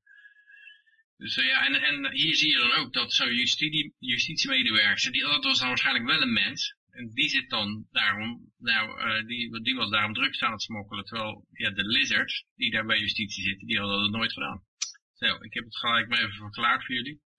Ook weer duidelijk. Aluminium is weer een aanbieding, hè?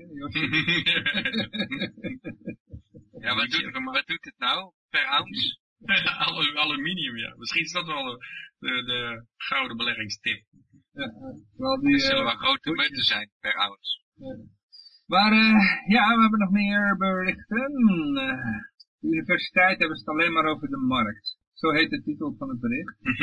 ja. Het is uh, afgeschermd. Ik heb geen...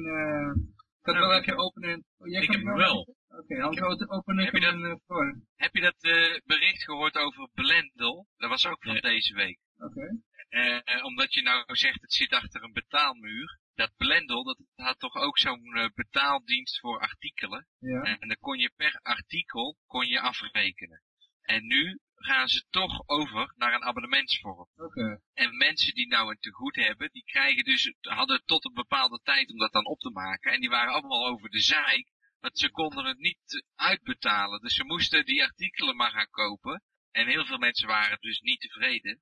Ja, en even een tipje Heb- van mijn Brendel. Ja, ik heb in Tor kan je het gewoon eh, openen en kan je de paywall eh omzeilen. Dus gewoon een Tor browser gebruiken. En, eh, Maar het gebeurt eh, vaker, eh, begreep ik, dat, eh, dat de media achter een paywall gaan. Dus zeg maar de, ja, een beetje de mainstream media. En de... Maar over, di- over dit eh, artikel, het gaat over Joris Tieleman. En eh, die zat in de collegebanken. En we kregen te horen hoe het systeem zich altijd weer in balans brengt. Ondertussen nam onze regering enorme maatregelen om een klap te voorkomen. Dat was dan tijdens de financiële crisis, kreeg hij dat te horen. En dat vond hij zo merkwaardig. En nou zijn hij en zijn medestudenten sloten zich aan bij Rethinking Economics. Een internationale beweging die na de kredietcrisis ontstond en vooral in Engeland groot is. En dat zijn een zwerm activisten en die zeggen, maar grofweg gaat het activisten om drie punten. Ze willen meer verschillende theorie in het curriculum. Ik denk dat het dan om de Oostenrijkse school gaat. meer aandacht voor de praktijk in plaats van voor abstracties en minder kwantitatief onderzoek. Op zich klinkt het wel een beetje eh Oostenrijks. eh. Eh, alleen de titel niet. Op de universiteiten gaat het overal, vooral om de markt. Hij gaat ervan uit dat als, als de universiteiten zeggen, nou, het komt allemaal goed. Dat is ook een enorme crisis die door de overheid veroorzaakt is. Dat ze dan eigenlijk vertalen dat in hun hoofd naar, ja, het gaat de hele tijd over de markt. Maar eh, die universiteiten die praten dat natuurlijk goed omdat er gewoon enorme overheidsinterventies gedaan worden. De centrale banken en allerlei niet markt eh, georiënteerde eh, organisaties die interveneren in de economie. En prijzen begrenzen en eh, ja, het hele grote price control met eh, de prijs van labor en de prijs van, eh, van geld. Als rente wordt ge- vastgesteld en eh, door de overheid bepaald. Dus ja, dan zeggen ze, de Nederlandse op- economieopleiding bestaan voor 86% uit neoclassieke theorie, berekende Tieleman en enkele rethinkers vorig jaar. Dat, dat houdt in dat het marktdenken centraal staat. Nou eh, ja, dat is iets wat, waar wij natuurlijk van zeggen van, wat? Het is een en al grote socialistische en interventies. Al die economen gaat allemaal over hoe je de economie plant en wat je met de rentestand moet doen en hoe je... eh, wat ik aan economie heb gehad op de middelbare school, dat was altijd van, eh, ja, de vrije markt is leuk, maar eh, vrije markten bestaan niet. Want eh, wanneer is een markt vrij? En dan hebben ze een hele lijst met eisen wanneer, wat, eh, waar een markt aan moet voldoen, wil die vrij zijn. En bijna niks voldoet eraan, alleen aardappelen voldeden eraan of zo. Dus eigenlijk al die andere markten waren niet vrij volgens hun definitie. En dat betekent dat eh, de overheid daar allemaal in, in. Want anders ontstonden er monopolies en eh, kartels en, en nog wat eh, meer. Dus eh, ik snap niet waar hij het over heeft, eh, waar hij dan naartoe geweest is. Maar het, eh, ik, het is duidelijk dat Mises niet echt met vlag en wimpel wordt binnengehaald bij, bij universiteiten. En dus, heel veel mensen die komen van de universiteit af, die hebben nog nooit van de Oostenrijkse school gehoord. Eh, ik weet dat er was één zo'n zo'n zo'n bankier, die zei een keer, ja, Oostenrijkse school, ja, Oostenrijk is een leuk land, maar echt belangrijk is het niet voor de economie. Die wist niet eens wat, wat de Oostenrijkse school was. En dat is de school die eigenlijk alleen uh, over het pure, pure vrije marktdenken heeft.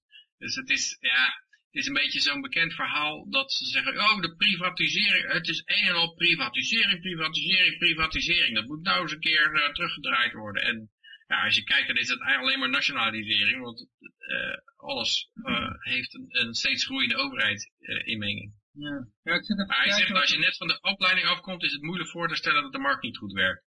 Denk bijvoorbeeld de dereguleringsgolf in de jaren negentig uit voorkwam dat mensen dit aangeleerd hebben gekregen. Dat is ook weer een verhaal van deregulering. Je kijkt gewoon naar de hoeveelheid regulering die er is. En dan zie je dat er regulering alleen maar is toegenomen. Dat hele verhaal ook dat, dat, uh, dat de crisis van 2008 kwam door deregulering. Dat is ook onzin. Als je kijkt naar de hoeveelheid regulering die daar, uh, die daar ingesmeten was daarvoor. Dan, uh, dan snap ik niet hoe je tot zo'n conclusie kan komen. Maar het is wel een goede tactiek in de zin dat als je gewoon, als je dat maar hard blijft roepen, deregulering, deregulering, dan kan je uiteindelijk die enorme crash die er komt door staatsinterventies, kan je op de schuld van deregulering uh, schuiven. Iets wat ze ook in de 2008 deden. En dan kun je, kan je nog meer de, uh, de zaken richting uh, koolgozen en softgozen drijven. Als je het maar vaak genoeg blijft herhalen. En uh, deze maand was het ook weer met Emma, dat was ook deze week Emma 17. Hè? Dat, dat is gewoon als je je ja. eigen standpunt maar vaak genoeg blijft herhalen, dan op een gegeven moment win je dan het argument wel, is het. Ja, die, de, de media blijft dat soort dingen eeuwig lang doorkouwen. Je, het komt steeds maar weer terug. Uh, en inderdaad, uh, ja, de, de, slachtoffers denken nog steeds, ervaren het nog als de dag van gisteren. En het wordt gewoon in leven gehouden, net zoals 9-11 in leven gehouden wordt. En dat is ook wel heel oud. Ik weet dat de, Romeinen die verloren ooit een belangrijke veldslag bij het Tutenburger Forest, waarbij drie legionen compleet afgeslacht werden. En dat hebben ze ook honderden jaren uitge, uitgebuit met uh, nationale rouw elk jaar. En de winkels moesten drie dagen dicht zijn uh, vanwege de enorme nederlaag bij het Tutenburger Forest. En ja, dus op, op die manier kan je gewoon een enorme slachtofferrol creëren en angst en uh, de, de noodzaak implementeren, implanteren in mensen hun hoofd dat, dat het leger ontzettend sterk moet zijn omdat we anders uh, uitgemoord worden en ook dat de overheid enorm moet ingrijpen in de economie omdat anders die privatisering tot uh, enorme ellende leidt. Maar ik zie ook nergens, als je de New York Times te kijkt, dat is dan de, een van de grootste kranten in de VS, daar is Paul Krugman de columnist, dat is gewoon absoluut geen marktdenker. Dat is gewoon een, een, een die, die, heeft nog nooit een interventie gezien die die, die die niet wil hebben. Dat is net zoiets als John Bolton nooit een land ziet wat hij niet met een nucleaire uh, raket wil benaderen. Nou, ik, ik, wil wel even gezegd hebben, ik heb drie jaar geleden of zo heb ik dat Maagdenhuis bezet. En toen heb ik ook al gezegd, toen vroegen ze mij waarom zit je hier? Ik zeg ja, nou ik ben economiestudent, maar ik heb niet het idee dat wat ik nu aan het leren ben echt in de toekomst uh, relevant zal zijn. Want er is nu een bitcoin en dat gaat alles veranderen. En, en de, dit is dus een economische groep, groep economiestudenten. En ik denk wel dat inderdaad de, het economische onderwijs wat nu gegeven wordt, is er gewoon echt om de mensen dom te houden. Niemand mag weten dat die euro een schuld is. Toen ik dus in, in opleiding was voor accountant, was ik in de overtuiging dat er goud in een kluis lag om, dat, om, die, om die euro's te laten maken. Wel? En dat is in mijn opleiding, ja, dus in mijn opleiding mij dus nooit verteld. En ik denk dat iedereen die ouder is dan mij, het dus ook niet weet. En de mensen die jonger zijn dan mij, die zouden het misschien, dat ze het nu wel aan het behandelen zijn. Want ik, er zijn nu ook vragen over bitcoin en zo in het onderwijs, dus er zijn wel dingen veranderd. Um, maar ja, uh, ik denk inderdaad dat het hard nodig is om uh, het economieonderwijs wereldwijd op een heel andere manier te benaderen. Als ja, maar de kant waar dit op gaat, uh, zeggen bijvoorbeeld Van Staveren, destijds nog een heavy punk met blauw haar en netpanties, las in haar vrije tijd Das Kapitaal. En er wordt niet de website mee bedoeld. En andere achterhaalde... Die is, die uit de lucht, toch? Ja, is die uit de lucht? Ik dacht dat dat gestopt was, ze hadden geen sponsors meer. Oké. Okay. Maar uh, dus, dus de, er staat, ze las in haar vrij dat, dat kapitaal. En uh, ander achterhaald geachte werken. Carrière maakte ze daarna buiten de economiefaculteit. Dus, oh jee, als je, als je dus heavy punk bent met blauwe haar en netpanties en, en je leest Das Kapitaal, dan, dan kom je niet aan de bak in de economiefaculteit. Vandaar dat de markt hoogtij viert. Dat is... dat is uh, de conclusie dan. Dat, dat, ging, dat was vond ik even te moeilijk weten. Nou, het, is toch raar, ja, als iemand dus Marx leest en heavy punk was en blauw haar, netpanties en die gaat dan solliciteren bij een mainstream economiefaculteit, die wordt daar niet aangenomen en dan zegt ze dat uh, economen die afwijken van de mainstream vinden heel veel moeilijker een baan op de econ economiefaculteiten. Ja, ja. Uh, als jij, als jij Marx nog leest, dat, uh, ja, uh, het zou me nog niet verbazen als je daarmee in de bak komt, maar misschien gaat dat wel heel erg vaak, ver, uh, ja. Ik heb trouwens even opgezocht waar, wat de achtergrond is van, van deze groep. Het is ooit begonnen bij een conferentie die georganiseerd was door de Bank of England. En die zijn nog steeds op de achtergrond verbonden met deze groep, Rethink, Rethink Economics. En er zit ook nog iets anders bij, Bank of England en de Institute for New York Economic Thinking. Ja, Wanneer is dit begonnen? Uh, het is ooit begonnen in, de conferentie was geloof ik in 2000 of zoiets. Dus die zijn nu al 19 jaar aan het heroverwegen, aan het overdenken. nou, het is pas in 2011 is het pas echt op gang gekomen. Ze hebben ook allemaal boeken uitgegeven en zo. Ja. ja, kijk, het lijkt het dus dan toch een beetje op dat het er gewoon nooit komt, behalve als je het forceert. Dat het gewoon, dat het gewoon altijd maar door blijft kabbelen zoals het gaat. Totdat er op een gegeven moment echt genoeg mannen tussen de 25 en 45 niet meer werken. En, en, en dat het eindelijk gewoon uh, op zijn kont valt.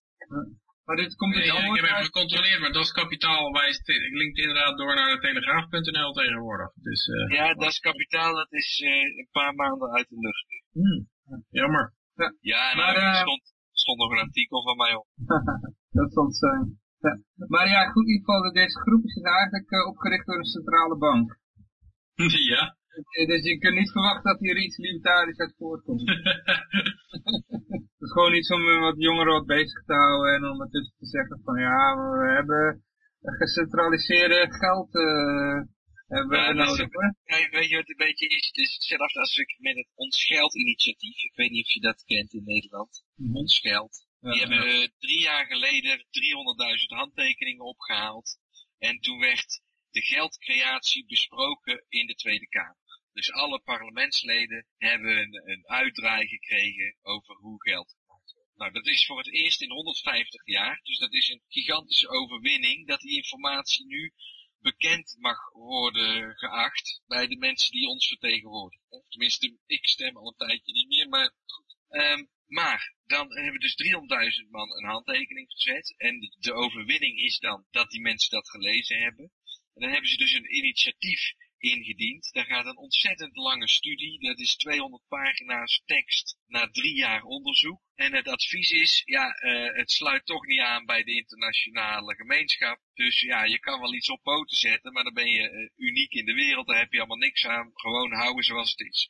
Nou, en dan zegt de politiek, nee, we moeten het houden zoals het is. En dan ben je na drie jaar eigenlijk geen stap verder. En dat, dat heb ik dus drie jaar geleden al gezegd. En dat is misschien een leuk bruggetje dan. Eh, ehm, want je moet het gewoon doen en je kan het al doen. En nou hebben we vanaf volgende week, eh, Johan, komt er een e-guldenmarkt met de euro bij. Dus dan kan het helemaal losgaan. Ja, ja, vertel dat nog even. Dus, dan, eh, Nou, dat is een heel erg lang verhaal, omdat er heel veel gebeurd is in de afgelopen maand in crypto Nederland. Een beetje. Ja, nou, er is, eh, ik heb volgens mij al een keer verteld dat er nu een blokbeloning aanpassing is gekomen bij Gulden, hè, de NLG. mhm. En daar vanuit is er een groep mensen die mij benaderd heeft. En zo is er een balletje gaan rollen. En nu zijn we aan het eind van de maand eh, voor het eerst in vijf jaar dat we bestaan. Er is altijd markt geweest voor de e-gulden. Er is geen dag geweest dat je geen e-guldens hebt kunnen kopen of verkopen in die tijd. Maar nu komt er aan het eind van de maand voor het eerst een euromarkt. Dus dat eh, is eh, interessant, want je kan je voorstellen dat bedrijven dan hun bankrekening kunnen koppelen en kunnen zeggen, ik wil 5 euro aan e-guldens ontvangen en de volgende dag hebben die dat dan in hun bankrekening. En dat gaat dan mogelijk worden en dan Er zit nog wel een dag tussen. nou ja, kijk, dat is met een pinkastje ook vaak. Als er bijvoorbeeld Ja. na twee uur geprint wordt. Ehm, maar dan zit er inderdaad, die, je kan er ook voor kiezen om gewoon e-guldens te ontvangen. En dat kan vandaag ook al. Maar als je ook inkoopkosten hebt, dan kan ik me voorstellen dat je een deel van je omzet moet omzetten naar valuta waarmee je je inkoop doet. Ehm, dus ehm, er zit dan een dag tussen. Ja, dat zal wel. Kijk, dat ligt niet aan de e-gulden. Zo kunnen we ook zeggen. En als je Is het nog wel, eh, als je nog het op allemaal met, eh, is nog wel allemaal met KYC en zo? Ja, ja, ja, heel erg zelfs. Want dit is een, Ja. dus een echte beurs met orderboek. Dus dat is nog een stapje meer als dat je met Ideal eh, iets koopt. Dus wat dat, dat is dan weer wel. Maar ja, we weten wat voor regels dat eraan zitten te komen. Mhm. En dit bedrijf wil zich daaraan houden. En dat eh, is hoopgevend voor de Ja. toekomst. Dit is een vijfjarige overeenkomst. Die is gesloten. Het bedrijf is guldentrader.com of guldentrader.nl. Zijn allebei. En daar komt dan een beurs met euro en. Oké. Ja, mooi, ja. Oké, maar goed, ja, we gaan nu even naar eh, Frank Assen toe. Die komt nou eh Café Libertaria binnengewandeld. En ja, daarna zijn we weer terug met wat nieuwsberichten. Maar eerst gaan we even naar Frank Karsten. Inmiddels bij ons aangeschoven is eh, niemand minder dan eh, Frank Karsten. Eh, u allen wel bekend, maar voor het geval er mensen zijn die jou nog niet kennen. Frank, kun je misschien kort vertellen wat je allemaal gedaan hebt in jouw leven? Oh, nou laat ik niet bij mijn geboorte beginnen. je Maar geschreven. Ja, ik heb twee boeken geschreven. Eentje samen met Karel Beckman, dat was in 2011, De Democratie voorbij. Dat is nu in twintig talen beschikbaar. Daar ben, zijn we heel erg blij mee. Blijkbaar vulden wij een gat in de libertarische of de vrije, uh, libertarische bibliotheek. Um, maar in 2001 start ik met de Stichting Meer Vrijheid. En ja, meervrijheid.nl is een site die nog steeds uh, beschikbaar is, maar niet zo vaak wordt geüpdate. Um, Vrijheid Radio deed ik ook in 2005 trouwens, uh, maar daar ben ik een tijdje mee gestopt. Um, ja, het boek dat ik vorig jaar publiceerde was De Discriminatiemythe. Waarom, ja, dit, dat ontkracht 13 mythen over de, dit gevoelige thema. En dat is goed ontvangen, uh, gelukkig. Het is nu ook uit het Engels. En ik heb het uh, Mises Instituut samen opgericht. Nu ben ik niet meer verbonden aan het Mises Instituut. Dus uh, dat is een beetje in het kort waarom ik bij jullie in de uitzending zit. Ja, Frank, je hebt kort geleden een artikel gepubliceerd op de website van Civinia over vrijheid van meningsuiting. En ja, daar willen we graag over, over uithoren. Ja, het stuk heet Op weg naar de totalitaire democratie. Het probleem is namelijk dat we denken, omdat we een democratie hebben, dat we automatisch ook vrijheid hebben. En in het Westen, waar we dan de meest oude democratieën hebben, min of meer, daar, dat, dat zijn ook in het algemeen de meest goed functionerende democratieën, wordt be betoogd. Hè? En daar hebben we automatisch vrijheid van meningsuiting. En ik geloof dat die vrijheid van meningsuiting bepaald niet zo groot is als je zou willen. En dat die steeds verder onder druk is komen te staan vanwege de antidiscriminatiewetgeving. Die uh, zegt dat je geen beledigende of racistische of seksistische opmerkingen mag maken richting bepaalde groepen, uh, kwetsbare groepen, minderheden. Uh, je mag ze nog wel maken richting andere groepen. Dus er wordt wel een beetje met twee maten gemeten. Maar er zijn ook, in het stuk geef ik aan dat op verschillende vlakken de vrijheid van meningsuiting wordt beperkt. In Nederland, maar ook in de westerse wereld. Nou, het, het hele, het is raar dat, dat het hele totalitaire van een regime, dat dat eigenlijk alleen wordt gezien, dat is eigenlijk alleen een probleem als het niet democratisch is. Als je, maar als het democratisch totalitair is, dan is het prima. Ja. Het woord democratie is zo heilzaam dat het gewoon uh, over uh, het, het, uh, slechte eigenschappen van het woord totalitair kan verhullen. Ja, inderdaad. En voor een deel begrijp ik dat ook, omdat we denken in een democratie, dat de wil van het volk. Nou, dat kan natuurlijk helemaal niet, want jij en ik hebben sowieso al over verschillende dingen verschillende meningen. Dus er is niet zozeer een wil, de wil van het volk.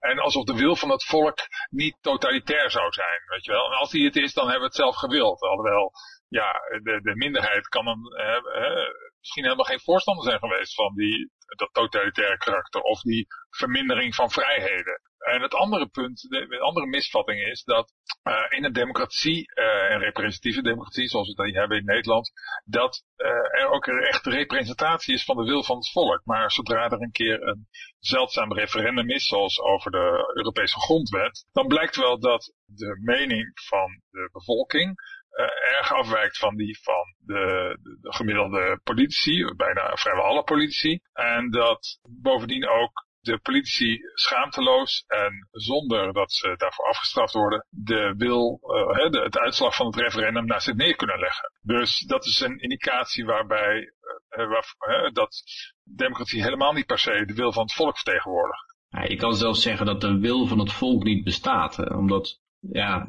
een, een, alleen een individu heeft een wil, er, een volk heeft geen wil. De wil van iets kan je afleiden aan zijn handelen. En, en een volk handelt niet. En een volk praat niet, heeft geen mond. En dat is natuurlijk de hele sneaky toestand. Dat ja, je kan wel praten over de uitslag van een referendum. Maar eigenlijk, je kan niet zeggen dat dat het volk een wil heeft. En dat maakt het heel makkelijk te manipuleren door de heersers die dan zeggen van, uh, ja, ik hoor wel, uh, ik krijg via de vijfde dimensie, krijg ik de wil van het volk door en ze willen dit. Uh, en dat ga ik eens even implementeren. Maar sowieso als er een, een dwangmatige relatie is, je kan ook, ook als er een verkrachting plaatsvindt, kan je ook niet zeggen wat is de wil van, het, van de man en vrouw die deelnemen aan een verkrachting. Want ze hebben een tegenovergestelde wil. En dat is natuurlijk bij heersers en onderdanen ook zo. Er, er is een een dwangmatige relatie. En daar kan je niet zeggen van wat is de wil van het geheel. Precies, dat is inderdaad uh, juist. Het is uh, een beetje alsof we in een bus zitten met honderd mensen. En ja, ja, de buschauffeur wil weliswaar heel goed luisteren. Stel dat de, de ideale politicus is, die intelligent is, goed wil luisteren, geen eigen belang heeft. En er zitten honderd burgers in de bus. En ja, hij wil best de wil van de bus volgen. Maar dat kan hij niet, want die honderd passagiers die willen naar iets van 50 bestemmingen of zo. Of 70 bestemmingen, of 30 bestemmingen, of 100 bestemmingen. Die hebben allemaal verschillende ideeën. En die kan, zelfs een goed bedoelende politicus, en dat is ook de reden waarom ik zeg dat democratie in essentie niet kan werken, zelfs theoretisch niet, omdat die belangen, die wensen zijn tegengesteld. En waarom denk je dat dat gebeurt? Waarom denk je dat het noodzakelijk is dat, dat bij een dergelijke ontwikkeling, dat het steeds totalitairder wordt, dat, dat er meningen beperkt moeten worden? Waarom moeten mensen monddood gemaakt worden? Nou ja, er gebeuren dingen die de burger wel wil, maar de politicus niet wil. En bijvoorbeeld er is, uh, wat we nu hebben, is dan de immigratieproblematiek, zoals die voor, door velen wordt gezien. Die is tegengesteld aan de wensen van veel Nederlanders, maar blijkbaar lijken alle politici daar wel voorstander van. En ze vinden het vervelend, want er is uh, onderlinge strijd tussen deze mensen in de, in de samenleving. Die, ze vinden elkaar niet zo aardig. soms wel, vaak niet, lijkt het. En proberen elkaar te mijden. En ja, de, de politie die willen natuurlijk graag eenheid in het land bewaren. En dus, dus allerlei dissidente ideeën daarover liever niet horen.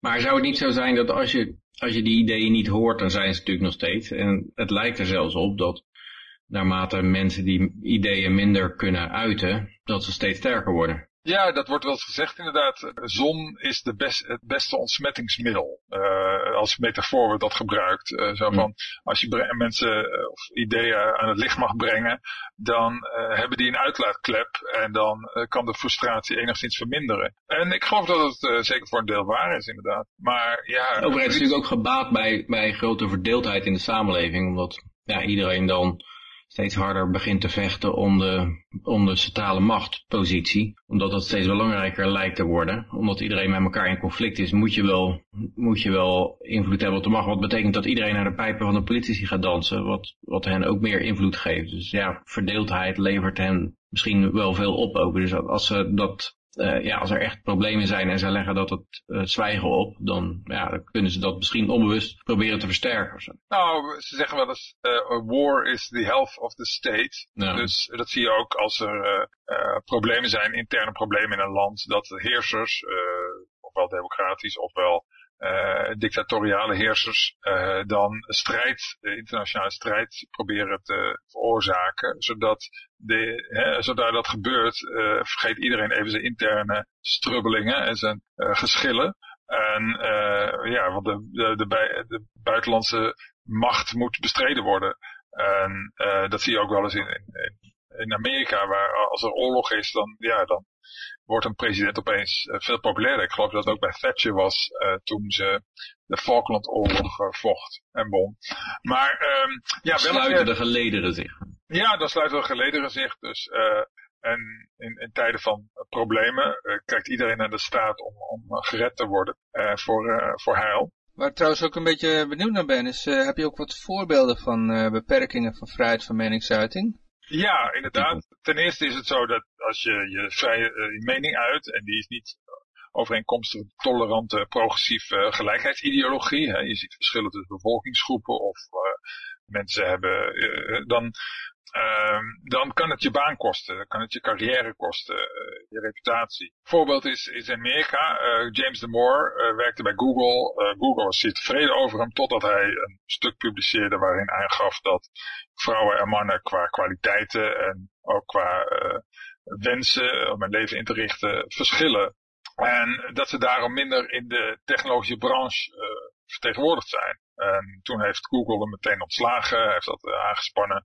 Eh, via de recht, rechtbank. En de, recht, eh, rechter stelde Google in het gelijk. En uh, ja, zo kun je met een, en het was een heel netjes stuk, hè. Het was helemaal niet, uh, zelfs voorstander van meer vrouwen in de IT, maar hij zei ook van ja, we moeten wel beseffen dat, dat zij andere interesses hebben bijvoorbeeld. dat blijkt uit allerlei studies die hij aanhalen. Een andere voorbeeld is dat in Nederland, en dat kennen weinig mensen, is dat je tegenwoordig ook geen grappen meer mag maken bijvoorbeeld DJ Michael uit Rotterdam. Ja, niemand die hem kent, maar... Niemand die hem kende voorheen? nee, in 2018 werd hij veroordeeld tot het betalen van 300 euro voor, vanwege groepsbelediging. Omdat hij tegen een collega had gegrapt. Hé, hé, hé, geen negers achter de bar. En nou, je zou denken dat is misschien een slechte grap. alhoewel, ja, in grappen gaan we altijd een beetje over de rand heen, of vaak. En het bijzondere is echter dat die, die, collega zelf, die had geen bezwaar gemaakt. Maar iemand had het gehoord en die had, had hem aangegeven. En uh, dat is een soort klikmaatschappij die we daardoor uh, krijgen. Die we normaal zouden associëren met de Sovjet-Unie. En er is ook een kliklijn laatst geopend, hè, daarvoor, voor dat soort dingen. Voor discriminatie? Nou, niet speciaal voor discriminatie. Ze hebben het onder huiselijk geweld geschaard, omdat ze daar even geen, geen goed thuis voor hadden. Maar dan kan je bijvoorbeeld uh, je buren verraden als je denkt van, hé, hey, die rijdt in een wat duurdere auto dan uh, ik op zijn inkomen zou mogen, verwachten bijvoorbeeld. Oh, dat is de kliklijn voor de belasting of zo?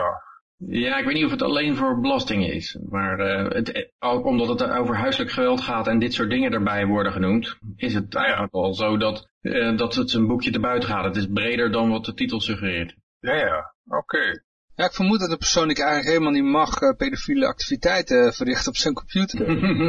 ja, het hoeft niet eens waar te zijn.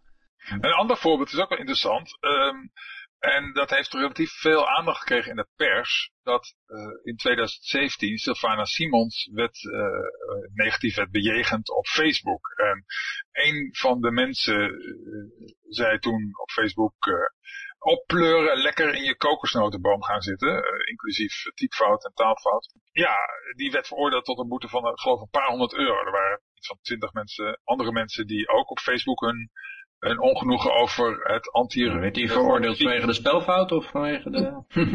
nee, dan zou de boete veel hoger hebben uitgevallen. Misschien voelde een fanatieke boomknuffelaar uh, zich beledigd door de opmerking. Ja, het, het, beledigen van Nederlandici. Uh. uh, maar nee, dat is opvallend, want, want hij zei, hij, deed geen bedreiging. hij zei, ja, lekker in je kokosnotenboom gaan zitten. ja, twintig jaar geleden, en dat geeft een beetje aan dat we wel richting, dat dit een min of meer totalitaire maatregel is. Want uh, het is een gedachte-experiment, dus ik kan het niet bewijzen. Maar 30 jaar geleden, of zelfs 20 jaar geleden, als je dat tegen mensen zou hebben gezegd, van uh, hier krijg je een boete voor als je dit zegt tegen iemand, dan zouden ze zeggen, nou dat is, uh, dat is meer iets voor totalitaire regimes. Ja? Mm. Maar nu is het gewoon praktijk geworden. Ja, ja en, en dan die private maatschappijen, waarbij zoals Twitter. Laatst is een feminist van Twitter afgegooid omdat ze zei, een man is niet uh, hetzelfde als een vrouw. Dus zou je zeggen, dat is een hele voor de hand liggende uitspraak. En daar kan je dus voor van Twitter afgegooid worden. Er zit wel een beetje context omheen, maar uh, daar wordt het niet veel beter van. ja. Uh, ja, ik denk dat dat wel een voorbode is van, van wat, er, wat er bij die bedrijven gebeurt, wat er uiteindelijk ook beboet gaat worden door de overheid. Het nou, glijdt allemaal dezelfde kant op. Het is al zo dat in, uh, Verenigd Koninkrijk uh, werd dit jaar een, een, Britse moeder gearresteerd thuis door drie politiemensen. Uh, en toen werd ze verhoord en op, op het politiebureau, zeven uur opgesloten. En het was niet zozeer dat ze een terroristische aanslag of zo. Dat zou oké okay zijn. nou, dat denk ik niet. Maar ze had op Twitter een transgender vrouw als man aangesproken. En uh, ja, uh, ongelooflijk. Dus, en, en ik stel ook in het artikel dat zelfs de meest totalitaire mensen, 100 jaar geleden of, of 50 jaar geleden, weet ik wat, uh, nooit zouden hebben gevonden dat het iemand misgenderen, voor zover ze al zouden kunnen denken dat dit sowieso kon, uh, dat het een optreden van de politie zou rechtvaardigen. En in, uh, maar, uh, maar toch is dit nu praktijk. En het is een beetje als, we zijn een spreekwoordelijke kikker in, in, in, de, in het hete water, dat steeds heter worden. En we raken gewend aan dit soort totalitaire maatregelen. En we denken van, ach je moet toch fatsoenlijk zijn en zo. Maar ja, we zijn hypersensitief geworden, lijkt het wel, in, de, in Nederland of in het Westen. Maar ik hoor. ja, we. Nee, jij bent gewoon een... uh, jij bent gewoon een bruut. Uh, echt iedereen. Een botte boer. Maar, maar um, ja, dat is nu, in Canada is in 2017 ook een wet aangenomen, de Bill C-16, die het misgenderen van mensen strafbaar stelt. Dus, ja, dat is in New York ook zo geloof ik, ja. Ja, en ja, dat, ik, ik, ik, lijk de enige te zijn die zegt dat dit totalitair is. Maar iedereen zegt, ja, we moeten toch wel fatsoenlijk zijn en rekening met elkaar houden. Maar als de overheid gaat zeggen wat fatsoenlijk is, nou, dan krijgen we een totalitaire samenleving. Maar daar heeft Jordan Peterson van ook gezegd van, ja, daar ga ik niet aan meedoen. En die komt geloof ik uit Canada. Zo. Ja. Uh, die zei, ik doe daar niet aan mee. En als, uh, als ze me daarvoor willen beboeten, betaal ik het niet. En als ze me in de gevangenis gooien, dan ga ik in de gevangenis zitten.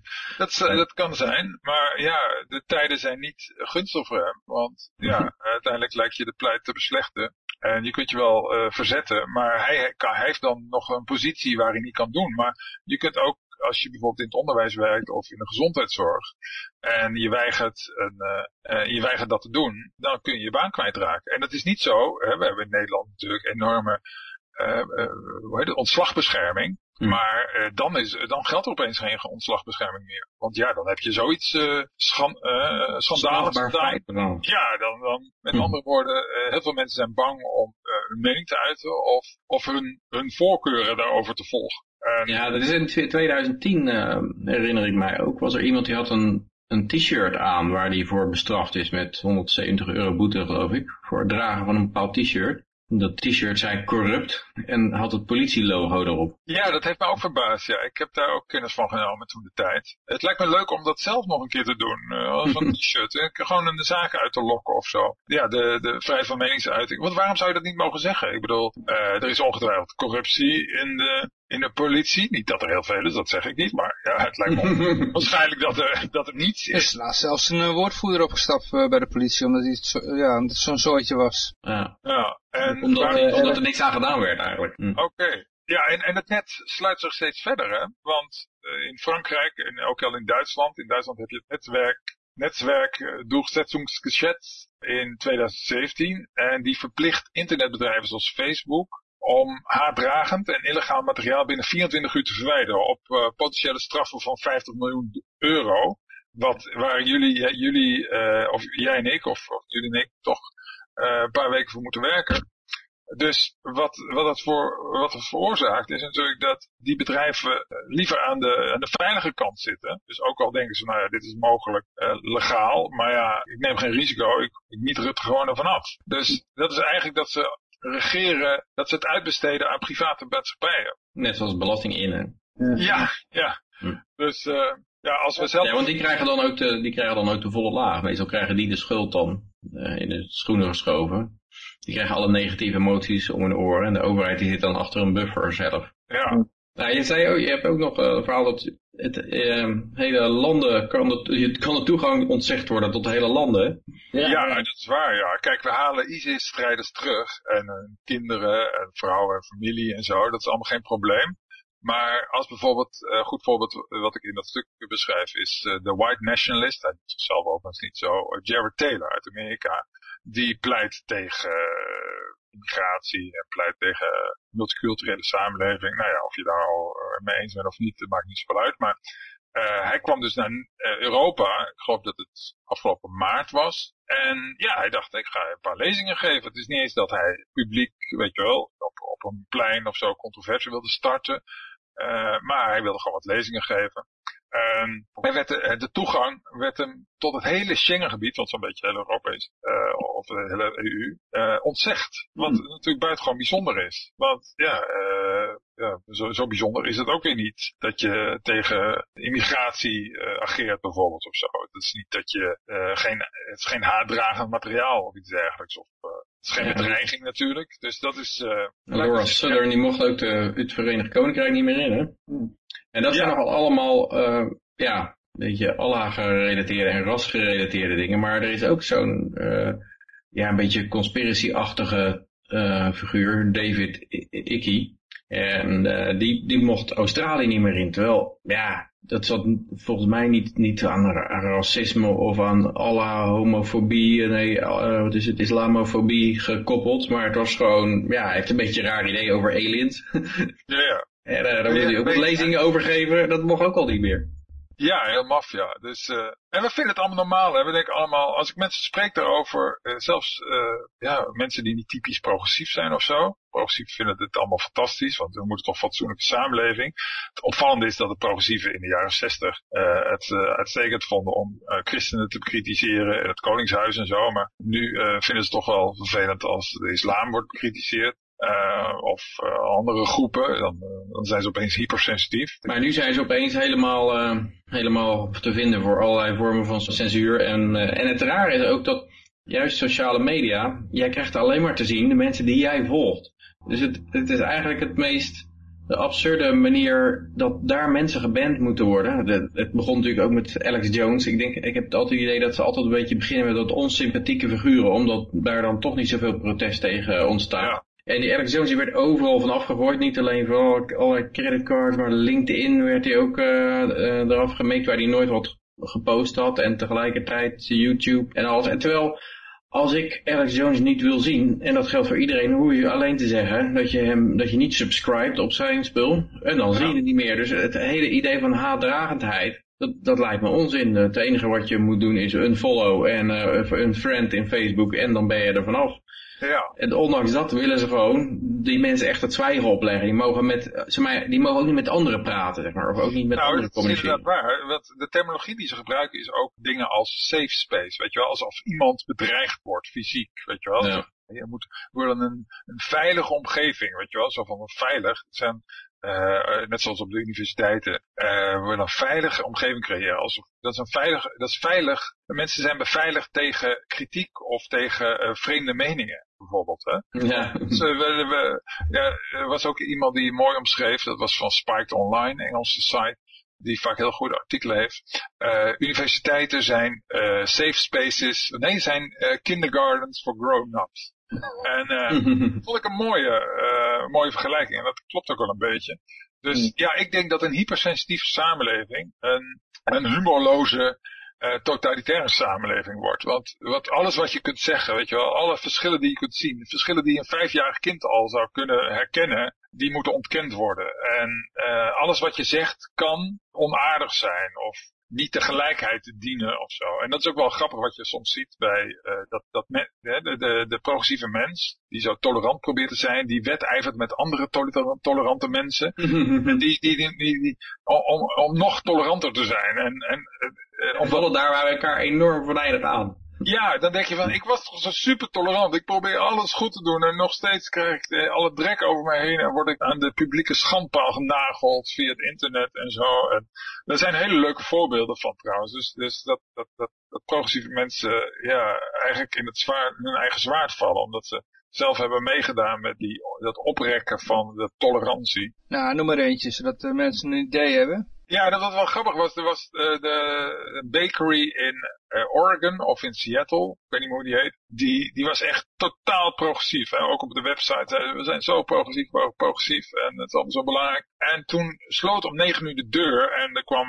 net nog iemand binnen, die was blank en die mocht naar binnen. En na negenen uh, ging de deur op slot en er was iemand die kwam, die was zwart. En die mocht niet meer naar binnen. en die heeft toen verhaal gehaald op het internet. En die heeft gezegd, ja, racisme, racisme, racisme. En ja, uh, ze, zijn enorm door het stof gegaan. Ze hadden natuurlijk geen enkele slechte intentie. Er zijn mensen ontslagen daar, die daar werkten toen, die ook helemaal, ja, er is geen enkele blijk geweest van racistisch motief. Het was gewoon voor negen of na negen. Ja, je, weet hoe dat is. Zo'n deur moet uiteindelijk wel een keer dicht. Je kunt tolerant zijn qua tijd, maar ja, uh, ergens moet je een grens stellen. En toevallig is de grens gesteld tussen een een blank en een zwart iemand. Nou, wat ik dan niet helemaal uh, snap hieraan is, uh, waar, waarom vallen ze dan die winkel aan? Uh, openingstijden zijn juist vaak door de gemeente bepaald. Ja, maar dat is een hele andere kwestie. Dat was bij Starbucks, Starbucks ook al zo, dat daar, daar zaten zwarte die gebruikten voor het, maakten gebruik van het toilet, en die, maar die kochten helemaal niks bij Starbucks. En die zaten ja. een beetje... Uiteindelijk werden ze, werd gevraagd of ze vertrokken en die begonnen ook gelijk aan de racismebel te trekken. Want uh, ja, dat was een vreselijk racisme van Starbucks. Dat hebben ze geloof ik heel alle Starbucks wereldwijd ja. gesloten en een halve dag iedereen op training gestuurd. ja, het schijnt ook dat die diversity trainingen averechts uh, werken. Daar is onderzoek naar gedaan. En Uh, niks verbazen. Ja, dat uh, mensen zich juist meer bewust worden van die verschillen. En uh, wat ook werkt, is dat ze denken, ja, maar ik ben toch al heel tolerant, want ik heb zo'n zo cursus meegedaan. Dus ik hoef mijn eigen gedrag niet meer te controleren. Zo. Weet je wel, ik ben al heel woke. en, ja. cursus gedaan, daarmee is het afgelopen. Ja, ja, het is een beetje net zoals die mensen, het schijnt ook dat, dat, mensen die heel erg ecologisch bewust zijn, relatief weinig aan recycling doen, omdat ze denken van, ja, maar ik praat er toch al wel. ja, ja, ja, ja, ja. Ja. D66 die heel weinig aan democratie willen doen, omdat ze, of aan, de, aan de referenda willen doen, omdat ze er al zoveel over praten. Ja, dat is ook zo grappig. Ik ken zelf in mijn persoonlijke omgeving, vrienden en kennissen, ook best wel heel veel eh, ecologisch bevlogen mensen die, eh, eh, die individueel misschien een, een tiende opwarming van de aarde veroorzaken, weet je wel. Dan denk ik van, en- maar ja, die, ja ongelooflijk eh, hoe dat werkt, dat brein. Maar Maar eh, we hebben nou sociale media gehad, maar universiteit, het is, het is heel breed. Hè? Het is laatst, eh, ja, dan hoor ik ook dat er een of andere mis, die we moeten haar titel opgeven, eh, van mis weet ik veel waar, omdat, omdat ze geen hijab wilde uitproberen. En daarmee was opeens de ja, islamofobe en dan moest ze de titel inleveren. Dus ja, ook in dat soort rare comiteetjes zit dat ook helemaal. En, en universiteiten, denk ik, is een heel belangrijk onderdeel daarvan. Ik zag laatst een, eh, een, eh, een grap, een meme erover van... eh, I'm sorry, Jeanette, staat iemand achter een katheter. While your answer was correct, Walter was offended by it, so he gets the point. ja, ja, ik heb het idee dat universiteiten ook helemaal wat padje af zijn. Ja, het is erg leuk om te zien, want ze ondermijnen natuurlijk hunzelf eh, een geloofwaardigheid hè? En een reputatie. En, want je denkt van nou, eh, eh, daar, do- daar doen ze goed mee. eh, of tenminste, eh, dat denkt je niet, maar men denkt van oké, wat proberen ze goed te zijn en weet ik veel wat. Maar ehm, ja, vroeger was de universiteit erop gericht om, om waarheids, op waarheidsvinding en zo en inzichten en kennis. En, en nu over, gaat het over gelijkheid en, en social justice. Dus, eh, en er worden mensen benoemd op basis van hun geslacht, op basis van hun etniciteit in plaats van eh, hun capaciteiten. Dus eh, zij hebben het niet zozeer over quality, maar over equality. En ja, dat, eh, Ja, dit is ook, eh, wat dat betreft denk ik dat achteraf gezien, als je hierop terugkijkt, dat het ook weer een heel raar moment in de geschiedenis blijkt te zijn. Net zoals de Salem, eh, Salem Witch Trials en dat soort dingen. Want ik zag daar bijvoorbeeld, het is zoveel jaar geleden dat de maanlanding was. eh, en dan zag je van die, van die dingen voorbij komen. Een New, New York Times reporter die dan vraagt aan zo'n man in zo'n maanpak. Why aren't there any women on the mission? Is your suit white because you're a racist? Why did you say mankind? Are there any transgender bathrooms in the lunar module?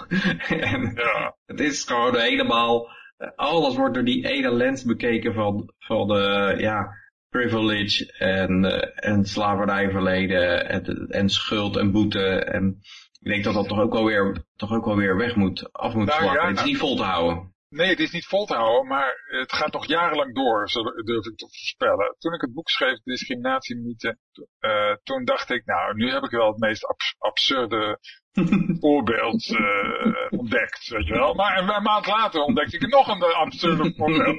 Dat-. En, en daarna dacht ik, oké, nou nu heb ik dan het meest en het gaat maar door, weet je wel. Dus, en ik denk ook dat eh, op een gegeven moment gaat eh, wel het schip keren, maar Hmm. eh, door de veranderende samenstelling van Nederland zal ook de, de sensitiviteit ten aanzien van etniciteit en zo enorm toenemen. Maar we moeten ons, ons wel bedenken dat in China hebben ze daar helemaal niets mee. Weet je wel, daar Nee. in China zeggen ze niet eh, bij de universiteiten, ja, wij gaan voor gelijkheid en we gaan niet zozeer voor kwaliteit, maar voor so- social justice. En die, die kunnen Die gaan ons, gewoon engineeren. die gaan gewoon lekker engineeren, dus die kunnen ons eh, behoorlijk voorbijstreven. Ja. En, nou ja, Maar, maar het is ook wel iets wat ja, noodzakelijke uitbreiding vereist. Zeg maar. Net zoals een empire altijd grondgebied moet veroveren, omdat ze uiteindelijk eh, ja, een soort eh, privileges verkopen.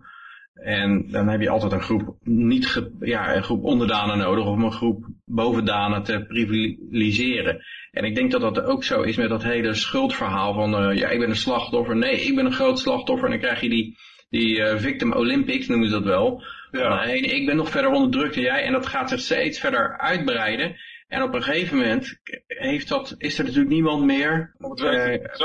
Ja, je zit met een probleem met herstelbetalingen. hebben ze nou in Amerika ook over, bijvoorbeeld voor slavernijverleden. En dan ga je zeggen van, nou ja, wie is er allemaal slaaf? Ja, dat wordt natuurlijk steeds meer. Daar de hoeveelheid slachtoffers die erop springen op die car om uitbetaald te worden, die is gigantisch. En de hoeveelheid, hoeveelheid mensen die die car trekken, die wordt steeds kleiner. Want eh, straks zijn dat alleen nog eh, witte heteroseksuele eh, mannen, zeg maar, van middelbare leeftijd. En, Ja. Maar het is noodzakelijk instabiel, wil ik zeggen. Het, het groeit altijd. Daar, het is omdat het een, een soort predatory eh, toestand is. Net zoals Ja. een empire moet het altijd wel uiteindelijk wel falen. Ja, maar dat kan heel lang duren. Ja. En dat, eh, Dan komt bijvoorbeeld, veel en, en, en hoe heet het, ik geef als, en daarmee wil ik afsluiten, het voorbeeld van, de, van Zuid-Afrika, waar ik dan de laatste tijd erg geïnteresseerd in ben.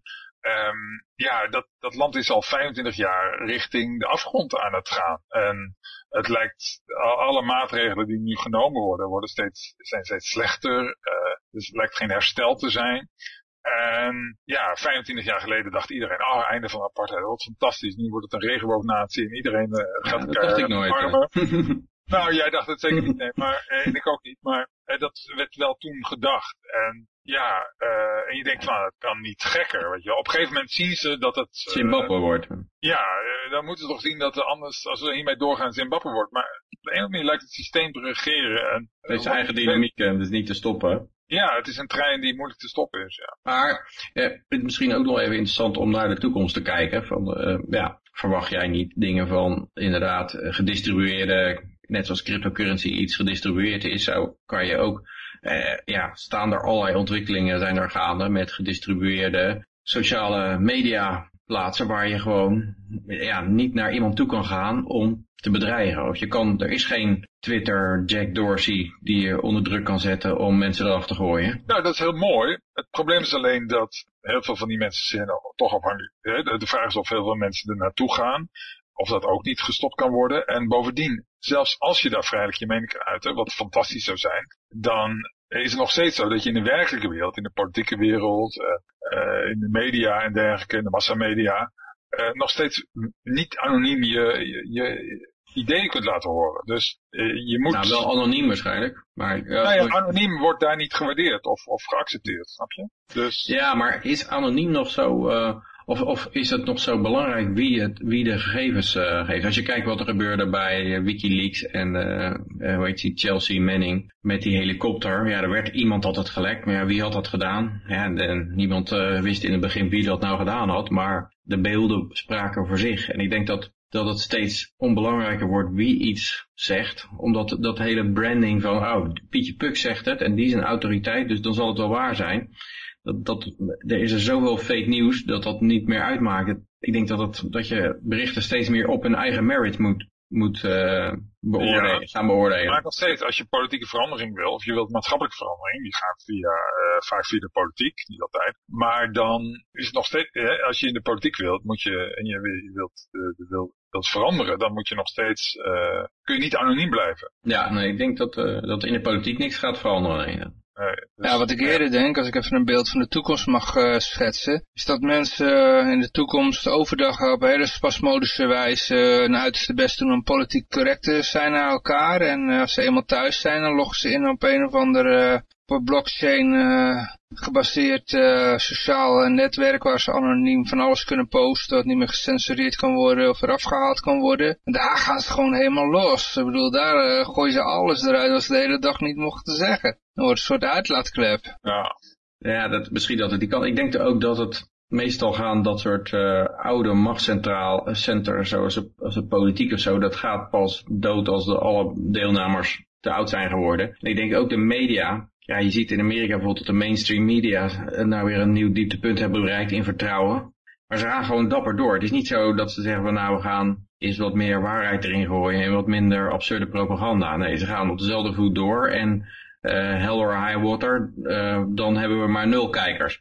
En dat krijgen ze denk ik ook nul kijkers. Ik denk dat op een gegeven moment het, wordt het gewoon gepasseerd. Het is niet zo dat het wordt overgenomen. Je kan dat soort structuren geloof ik niet overnemen, zoals mainstream media of de politiek. Maar op een gegeven moment wordt het steeds minder relevant. Denk je dan ook niet dat je net als in de nadagen van de Sovjet-Unie een soort hypernormalisatie gaat krijgen? Dat mensen uh, ja, op televisie de politici zien liegen, weet je wel, van ah, het gaat zo goed en uh, de economie is top. Maar in de werkelijkheid zien ze allemaal uh, lege supermarktschappen en ja, zien gewoon dat alles een leugen is en dat er gewoon direct in een, face, in een gezicht gewoon gelogen wordt. er zijn geen andere alternatieven, maar ik denk dat die er op een gegeven moment wel komen. En ondanks dat het dan allemaal anonieme mensen zijn, ik denk dat het toch op een gegeven moment wel duidelijk wordt hoe je daar waarheid uit moet destilleren. Maar dat is een belangrijke vaardigheid die ontwikkeld moet worden. Want ja, ik zie wat of ik lees wat, maar uh, hoe kan ik nou bepalen of dit waar is of niet? Zonder een, een brandname te hebben van, oh het staat in de krant, dus het is waar. Je moet eigenlijk daar de berichten aan zich kunnen kijken. Staan er interne contradicties in? Hmm. Maar om ons even naar het uh, einde van dit interview uh, toe te werken. Uh, Frank, het zijn toch allemaal een beetje donkere wolken die je zo schetst. maar zit er ergens achter die donkere wolken nog een klein beetje zonlicht? Um, nee, over, ja, mijn optimisme van vroeger heeft plaatsgemaakt voor pessimisme. Dus ik kan helaas de luisteraar weinig optimistische geluiden laten horen. wat wil je nog wel kwijt? Um, Komt er naar aanleiding van dit onderwerp nog een um, boek uit? Nee, nee. Boeken schrijven is heel zwaar, kan ik zeggen. Mm, dan komt er gewoon waarschijnlijk een boek uit. nee, ik ben al heel blij dat het uh, vorige boek eruit is. Dat heeft wel moeite gekost. En, uh, ik vind het leuk om dingen te schrijven die weinig anderen schrijven. Dat doe ik dan, dat uh, stimuleert mij. Nee, goed Frank, dankjewel. En uh, ja, beste luisteraar, ik moet jullie helaas achterlaten met deze donkere wolken. En, maar ik zou zeggen, volg het voorbeeld van Frank en schrijf af en toe, lucht af en toe gewoon je hart ergens. Op het internet, nu het allemaal nog kan. Want straks kan het allemaal niet meer. Ja, waarschijnlijk breidt de censuur, wordt zo steeds belachelijker dat het ook steeds meer mensen van die platforms afdrijft naar andere platforms. Dus, dus je hoeft eigenlijk niet eens te promoten wordt gewoon vanzelf wordt iedereen eraf gedreven die ook maar iets origineels of waars te zeggen heeft. Ja. Nou ja, goed, ja, tot zover het interview. En uh, nou ja, Frank, nu je toch zit, uh, ik nog even een berichtje met je doornemen. We hebben hier nog één bericht liggen uh, waar je vast wel iets over te zeggen hebt. Het is namelijk ambtenaren krijgen een white privilege training. En dit gaat over ambtenaren in Amsterdam. Een soort uh, Havana aan de Amstel. Initiatief van Sylvana Simmons. Oh, aan. Oh, oh, oh, ja, echt? Ja. Oh my god. Ja, iedereen zou denken dat ik het bestaan van white privilege uh, zou ontkennen. Uh, ik heb natuurlijk dat boek De Discriminatie-mythe geschreven en je zou verwachten dat ik dus uh, white privilege ook als mythe zie, maar dat is helemaal niet waar. Ik geloof dat er iets als white privilege bestaat. En dat is ook heel erg logisch, want er bestaan allerlei privileges. En dit is niet een, als we het hebben over een privilege, dan hebben we het niet over, dan kunnen we het hebben over een juridisch privilege, een politiek privilege. Weet je wel, dat, uh, dat je uh, dat recht, uh, je, je, andere rechten hebt, of, of betere rechten. Um, maar dat is in dit geval helemaal niet zo. Het is niet zo dat blanken meer rechten hebben bij de rechter als ze een moord hebben gepleegd of iets, gedaan hebben, dan niet-blanke mensen. Dus, maar het is wel zo dat mensen die bijvoorbeeld lang zijn, of slank, of blank, of intelligent, of blond. knap, blond, mooi gebit hebben, die hebben allemaal een soort privilege. ja, het is niet zozeer dat ze echt een privilege hebben. Het is meer dat ze iets hebben waar ze niet of weinig voor hebben moeten doen misschien. In sommige een voordeel gevallen, hebben. Een voordeel hebben. En, uh, maar dat willen ze natuurlijk niet een voordeel noemen. Dat willen ze een privilege noemen. Dus um, ja, ik erken dat het makkelijker is in de wereld om blank te zijn dan zwart. Want uh, ja, bijvoorbeeld je... Maar sommige, sommige situaties denk ik. Hè? Want als je bijvoorbeeld... Nou, in heel veel. Maar ga door, ja. Nou, als je bijvoorbeeld op een universiteit wil toegelaten worden, dan kan je beter als uh, indiaan voordoen bijvoorbeeld. Ja, en, uh, dat is eigenlijk pas sinds kort, dus in de afgelopen 30 jaar of zo, dat je een voordeel hebt als je uh, een, een, zwarte kandidaat bent. Dan word je snel aangenomen, omdat veel Amerikaanse universiteiten bijvoorbeeld een, een, lagere toelatingseisen stellen aan minderheidsgroeperingen, behalve dan Aziaten. Want Aziaten zijn oververtegenwoordigd, en Joden ook. Uh, op universiteiten. Uh, niet oververtegenwoordigd in de zin dat ik vind dat, het, uh, dat ze minder van zouden moeten zijn, maar gewoon dis, dispro disproportioneel zijn ze vertegenwoordigd. Maar ja, stel bijvoorbeeld je bent een zwarte man. of neem bijvoorbeeld als man bij, er wordt, is veel te doen tegenwoordig over etnisch profileren. Wat ik heel nuttig vind om etnisch te profileren. Net zozeer als ik het nuttig vind om op, op basis van leeftijd te discrimineren of te, te profileren door de politie. of bijvoorbeeld, omdat er geklaagd wordt dat een, een, een, zwarte man vaker wordt aangehouden dan een blanke man. Spreekt men er schande van. En dat kan natuurlijk ook heel vervelend zijn, dat erken ik volledig en ook, ook onterecht. de rapper Tycoon sprak daarvan. Hij, hij, zat in een mooie auto. En ja, dat was, was verdacht voor de politie. Dus hij vond dat dat hij vaak werd aangehouden, begrijp ik wel. Maar als man hebben we dat hetzelfde. Ik bedoel, ik word waarschijnlijk als man ook eerder als potentiële crimineel gezien dan een vrouw van mijn leeftijd en, en, en eventueel lengte. Maar uh, de, maar niemand klaagt daarover. Dus uh, het is een privilege als je vrouw bent, dan word je minder bedreigend gezien. En dat klopt ook met de statistieken. Vrouwen zijn iets van 8 tot 10 keer zo weinig crimineel als het gaat om geweldsdelicten. Uh, niet zozeer als het om vergiftigen gaat, dat doen vrouwen vaker, kleptomanie is ook iets, stelen in winkels, iets wat vrouwen vaker doen, maar geweldsdelicten... vernietigen binnen het huis? Sorry? Servies goed uh, vernietigen? ja, nou ja, bijvoorbeeld huiselijk geweld. Uh, vrouwen doen het vaak met een degenroller en, en mannen met een vuisten. Uh, Die heeft er nog een degenroller in huis. maar, uh, dus ik begrijp wel dat er verontwaardiging is over deze ethnic profiling, maar ja, is, er is een goede reden om dat te doen. Bijvoorbeeld als ze op zoek zijn naar een, een seriemoordenaar, dan, kijken ze, dan doen ze ook een ethnic profiling. Want het blijkt dat uh, juist blanke mannen van middelbare leeftijd daar vaker aan doen dan, dan zwarte mannen. Dus um, ja, dus het is een beetje onzinnig om het alleen toe te spitsen op white privilege. Want stel bijvoorbeeld dat je een blanke uh, man, nee, een, een blanke kleine man bent. Heb je dan meer of minder privilege dan een zwarte grote man? Zwarte ja, jij moet duidelijk naar die training toe, want daar leer je dat allemaal. Ja, hoe dat nou precies zit. Nou, ik denk dat ik nog wel wat kan leren. Uh, consequent met dit thema omgaan. Dus uh, ja, het, het, het, probleem is een beetje dat mensen denken dat hè, er wordt een school, schuldgevoel aangepraat omdat je, uh, omdat je blank zou zijn. Er zou iets mis mee zijn. Je zou die zou, ja, het hele idee is natuurlijk ook dat je geen voorkeuren zou mogen hebben. Uh, en dat je, wat betreft eh, dating hebben we dat altijd. Maar ook dat geen, dat je geen vooroordelen zou hebben. En vooroordelen zijn heel erg nuttig, wat ik ook beschrijf in de discriminatiemythe. En ja, behalve als je, als je verkeerde vooroordelen hebt. Maar uh, het feit dat uh, allochtone mannen, uh, niet alle allochtonen, maar bijvoorbeeld Surinaamse of Turkse of Marokkaanse mannen, vaker in de criminaliteitsstatistieken te vinden zijn, maakt het relatief logisch of begrijpelijk dat mensen daarop discrimineren. Ja, dit is zegt uh, uh, GroenLinks-wethouder Rutger Groot-Wassing. Die zegt dat ambtenaren zich bewust moeten zijn van hun intersectioneel privilege.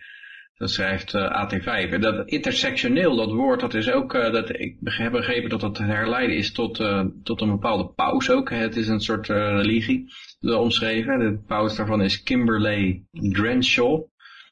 En die, uh, or Crenshaw.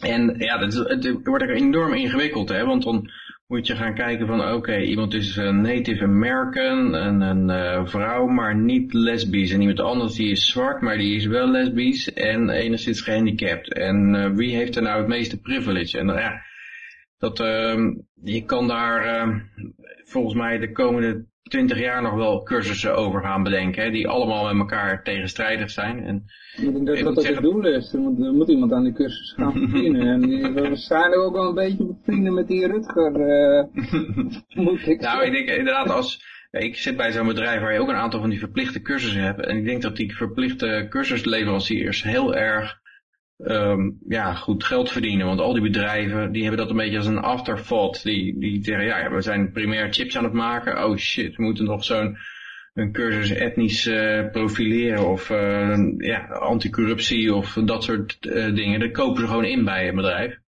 Dat soort cursussen. En, dat, en die cursussen, dat zijn allemaal van die ja, cliché toestanden. Maar, en iedereen heeft er ook een hekel aan aan bedrijven. Mensen voelen dat gelijk aan dat het, dat het uh, bullshit is. En dat het ja, over ze uitgestort wordt. En hebben daar allemaal hekel aan. En je ziet het hier ook al. De Telegraaf heeft een kleine enquête gedaan.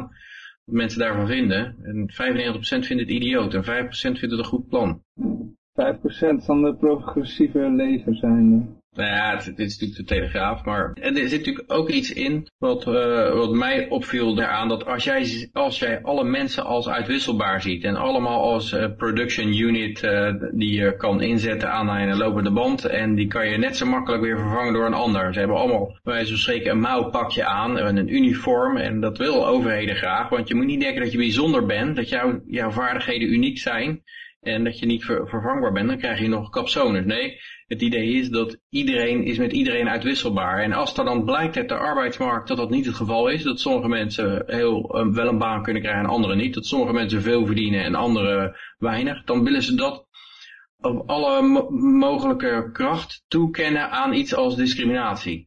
En, en met dingen als minimumlonen ook bestrijden, omdat eh, ja, dan moet er wel discriminatie zijn, omdat in hun beleving kan het niet zo zijn dat, dat een bedrijf Pietje wel aan wil nemen, maar Marietje niet. Eh, of, of meer wil betalen, eh, Pietje dan Marietje. Dat, dat, dat kan dan alleen maar discriminatie zijn, want ieder, iedereen is een uitwisselbare standaard unit. Er- Er er zit geen verschil in van, nou ja, die, die ene heeft misschien een diploma en vaardigheden die de ander niet heeft, of is meer productief, of eh, ja, er kunnen een heleboel verschillen zitten er tussen individuen. Maar als je niet gelooft in het individu fundamenteel en alleen maar in collectieven, dan, dan moet je wel naar die discriminatiekant op gaan. Dat, dat, dat moet dan klinken als een hele plausibele verklaring van ja, een, een ondernemer die neemt eh Marini aan omdat ze lesbisch is. Maar ja, hij zou er ontzettend veel aan kunnen verdienen. Want ze is heel productief en ze kan precies zijn probleem oplossen. Maar hij zoekt liever nog drie maanden door naar een minder gekwalificeerd iemand dan dat hij Marietje aanneemt, omdat het een enorme bigot is. En dat is, klinkt in hun oren veel logischer dan dat Marietje misschien haar cv een beetje op moet poetsen of zo. Overigens, eh, over eh, privilege. Er wordt gezegd eh, dat we veel male privi- privilege hebben. Maar nooit, de- in deze cursus van de gemeente Amsterdam zullen ze het nooit hebben over female privilege. Want bij mannen, weet je wel, die moeten die onder dienst. Meer dan 97% van de gesneuvelden aan het front is een, is een man. Hmm. Het aantal eh, slachtoffers van moorden. De, eh, driekwart van alle slachtoffers is een man, van alle moorden. Eh, maar daarover wordt er nooit gesproken. Bijvoorbeeld ook 93% van alle doden op het werk, hè, gevaarlijk werk wordt meestal door mannen gedaan, is een man. Eh 80% of, of 70 of 60% van alle eh, eh, eh, zelfmoorden is een man. Het aantal daklozen, eh, dat is, eh, ik geloof ook in Nederland, 80% man. Eh, vrouwen kregen vaker beheer over de kinderen bij een scheiding. Eh, dus eh, over dat soort privileges wordt eh, nooit gesproken. Het is de suffragettes in, eh, hè, in 1910 Mhm. in Engeland, die, eh, die zeiden niet van, die zeiden we willen stemrecht. Maar ze zeiden niet, oh we willen ook dienstplicht. Of we willen ook, we willen ook eh, strijden aan het front. Eh, Ik hoorde laatst ook dat de Universiteit van Berkeley, die hadden dan een aantal dingen, bijvoorbeeld een ri- rioolput, dat wordt dan in het Engels heet dat een manhole. En dat, Oh, ja. eh, dat kon nog niet, dat is namelijk een personhole genoemd. Ondanks dat waarschijnlijk het aantal mensen dat in riolen werkzaam is, dat zal, dat zal waarschijnlijk toch voornamelijk mannen zijn. Er zijn niet zoveel vria- vrouwen en feministes die zeggen van, hé, hey, we hebben het onderzocht, maar blijkt dat er veel meer mannen in riolen uithangen werken dan vrouwen, er moet wat aan gedaan worden. ja, oké. Nou goed, gaan we van eh, white eh, privilege eh, naar eh, de, de privileges van eh, Ryan Adams. Hier moet ik even een shownieuws jingle doen, hè? ja, ja. Dit is een vrije radio roddelrubriek. De Roller Week. Ryan Adams, niet te verwarren met Brian Adams, Amerikaans artiest, geen Canadees. Die, eh, ken jij hem? eh, of wie, wie kent hem? Ik ken hem niet, maar ik Ik ken hem ook niet. Oké. geen Maar hij hij, hij verbreekt mediastilte in ieder geval. Ik heb nog niks van hem gehoord, maar eh, Ja. ik, ik, ik ken hem wel, maar eh, goed. Ik dacht al, wat waarom hoor ik niks van Ryan Adams, maar eh, nu weet ik het. Hij had mediastilte. En Nee, dat ik vind het, kwam doordat hij beschuldigd werd door allerlei vrouwen. Ja, hij zou vrouwen hebben gemanipuleerd. Ah. Dat staat er. In februari publiceerde de New York Times een artikel waarin zeven vrouwen en andere ingewijden aan het woord kwamen. Zij stelden dat, dat zij een patroon van manipulatief gedrag opmerkten bij de muzikant, die zeven Grammy-nominaties op zijn naam heeft staan. Nou, dat is toch niet mis. Veel jonge vrouwen stonden aan het begin van hun muzikale carrière toen Adams hen de mogelijkheid aanbood voor een succesvolle start van een loopbaan. Adams probeerde de zangeressen later te verleiden tot seks. Wanneer zij weigerden, zijn wij wraakzuchtig hebben gereageerd en zijn gestopt met het ondersteunen van de talenten. En dan denk ik wel, ja wacht eens even. En zijn ex-vrouw eh, ook, die zegt de zangeres en actrice Mandy Moore, die, is, eh, die kende ik wel geloof ik. Van, eh, Ja. ja. En eh, is een van de vrouwen die Adams beschuldigt. Zij en anderen stellen dat de muzikant hun uitbuiten en misbruik maakte van hun ambities. Met muziek had hij de macht, zegt Moore. Nee, wacht even. dus eh, hij, hij, hij maakte misbruik van hun muzikale ambities. Dus het, zijn eigenlijk eh, enorme attention whores. en, uh, en dan gaan ze erover klagen dat iemand daar gebruik van maakt. Dat ze, zo- dat zo dolgraag op het, uh, op het uh, toneel willen staan. Ik vind dit geen seksueel misbruik of zo. Of ja, manipulatie. Het is natuurlijk wel manipulatie, maar ja, wat dat betreft iedereen manipuleert. Je kan net zo goed zeggen van... dat Ryan Adams, die uh, seksverslaafd is, werd uh, gebruikt door, door vrouwen die daar een monopolie op hadden. En, en zijn muzikale talenten misbruikten om, om zich, om zich hun carrière vooruit te helpen. Het is, het is, en het is het, dit is het ook al bij Louis C.K. gebeurd. Er werd ook al gezegd, ja, hij was heel grappig en dat was een wapen. En daar had hij, mee, had hij macht mee of zo. Ja, hij had macht vanwege zijn humor. Nee, nou, hij heeft macht vanwege zijn muziek. Nou, dat is niet hij heeft macht. Hij, hij maakt muziek en als je, dat, als je, als je daarvan uh, gebruik wil maken van zijn talent, ja, en hij, hij, is daar, uh, hij vraagt daar een bepaalde prijs voor, dan is het gewoon aan jou om die prijs te betalen of niet. Maar dan kan je niet gaan, uh, gaan zitten zeuren dat, dat je misbruikt bent. Ik kan het net zo goed omdraaien, omdraaien zeggen dat hij misbruikt.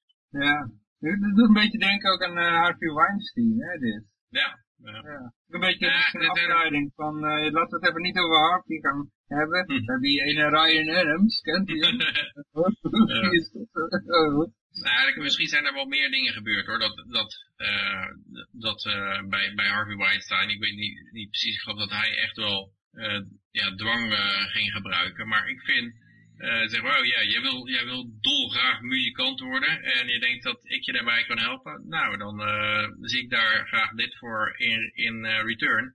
En ja, dan kan je niet zeggen dat je, dat je misbruikt bent, vind ik. Ja. En, en, en, geen van die vrouwen hier beweert dat hij dwang gebruikt. Ze zeggen alleen maar van, ja, hij, had, hij, hij, hij kon mooie muziek maken. En daarom had hij macht over mij. Want ik wil graag op het podium staan. Ja. Betoverd door zijn gitaarklanken. Ja, ja, dat is natuurlijk, ja.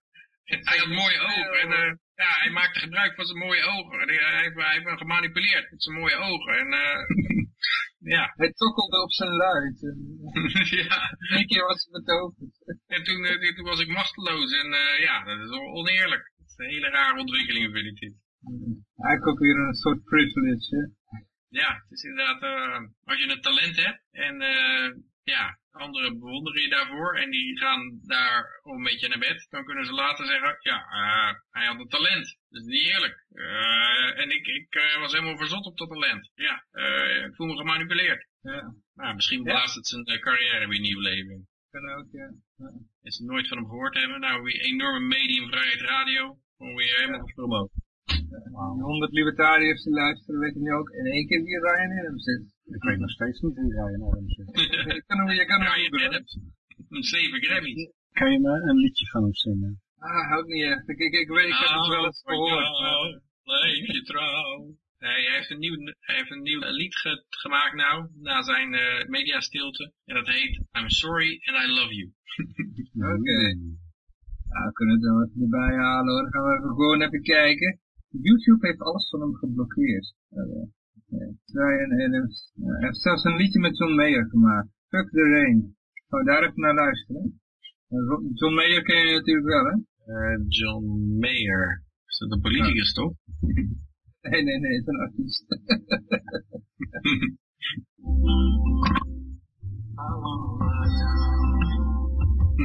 I wanna lie down. Ja, dat zijn wel teksten. Dat zijn wel teksten.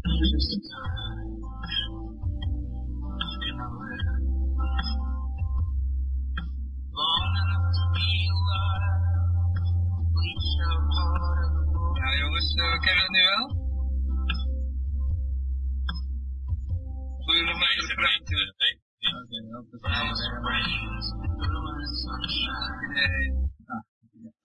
Nou ja, goed, dan gaan we naar het volgende bericht toe. Even kijken hoor. Bernie Sanders. Ja, oh jongens, oh jongens. Uh, ja, het zijn uh, campagne mensen die klagen, want uh, ja, hij zou het uh, minimumloon van 15 dollar gaan betalen, maar ja, nou gaat hij in de uren lopen. Dat is natuurlijk niet eerlijk, hè? Oh, hij, hij wil toch gewoon helemaal niet dat loon betalen. De campagne is dat hij, dat, dat, dat minimumloon moet worden, maar hij betaalt zijn mensen gewoon minder.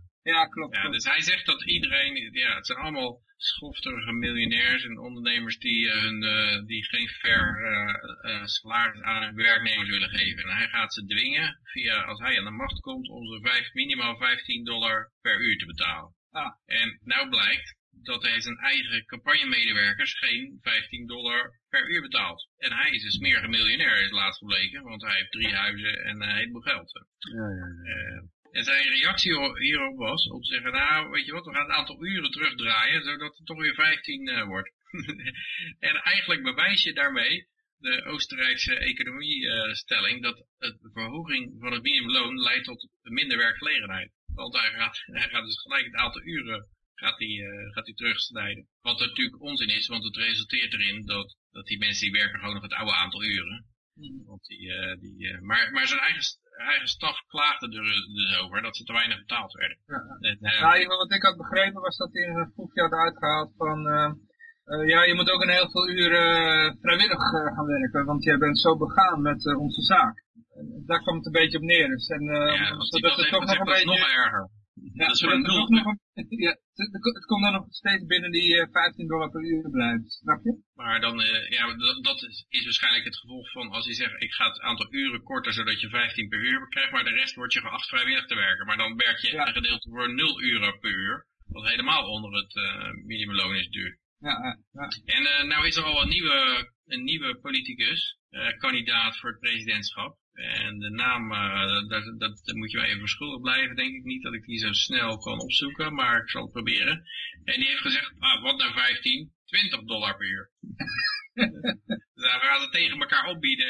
En ik heb ook wel, ik verwacht gewoon eh, heel weinig van de munteenheid waarin dit soort eh, beloftes uitgedeeld worden. En ja, de hele, hele toekomst in Amerika, alle, alle partijen zijn het erover eens dat ze naar die nieuw mo- modern monetary theory, dat is weer iets wat uit academia is komen lekker, dat de overheid eigenlijk zoveel geld kan drukken als ze maar willen. Dat het nooit inflatie oplevert. En eh, dat is, eh, ja, dat lijkt mij, eh, veel Oostenrijkers noemen dit uh, gekscherend ook wel M MMT, de Magic Money Tree Theory. en ja, dat is natuurlijk onwaarschijnlijk dat ja, als je zo, ja, zoveel geld drukt als de overheid meent te kunnen uitgeven vanuit de centrale bank, dat dat geen inflatie oplevert en dat die helemaal misgaat. Maar ondanks dat levert deze, of deze theorie krijgt enorm veel steun. eh. dus eh, Nou, dat is ja, ook in, hè? Ja, Dus, eh, overheden drukken ook heel veel geld. En toch, eh, ja, accepteren mensen dat geld. Kijk, het heeft, eh, er is sowieso inflatie. Ik denk dat niemand dat ontkent. Ik denk dat heel veel mensen zich wel bewust zijn dat je voor één, whatever, tien jaar of twintig jaar geleden veel meer kon kopen dan nu. Dus niemand twijfelt daar aan. Maar eh, het, is, het is niet onacceptabel. Iedereen vindt het prima.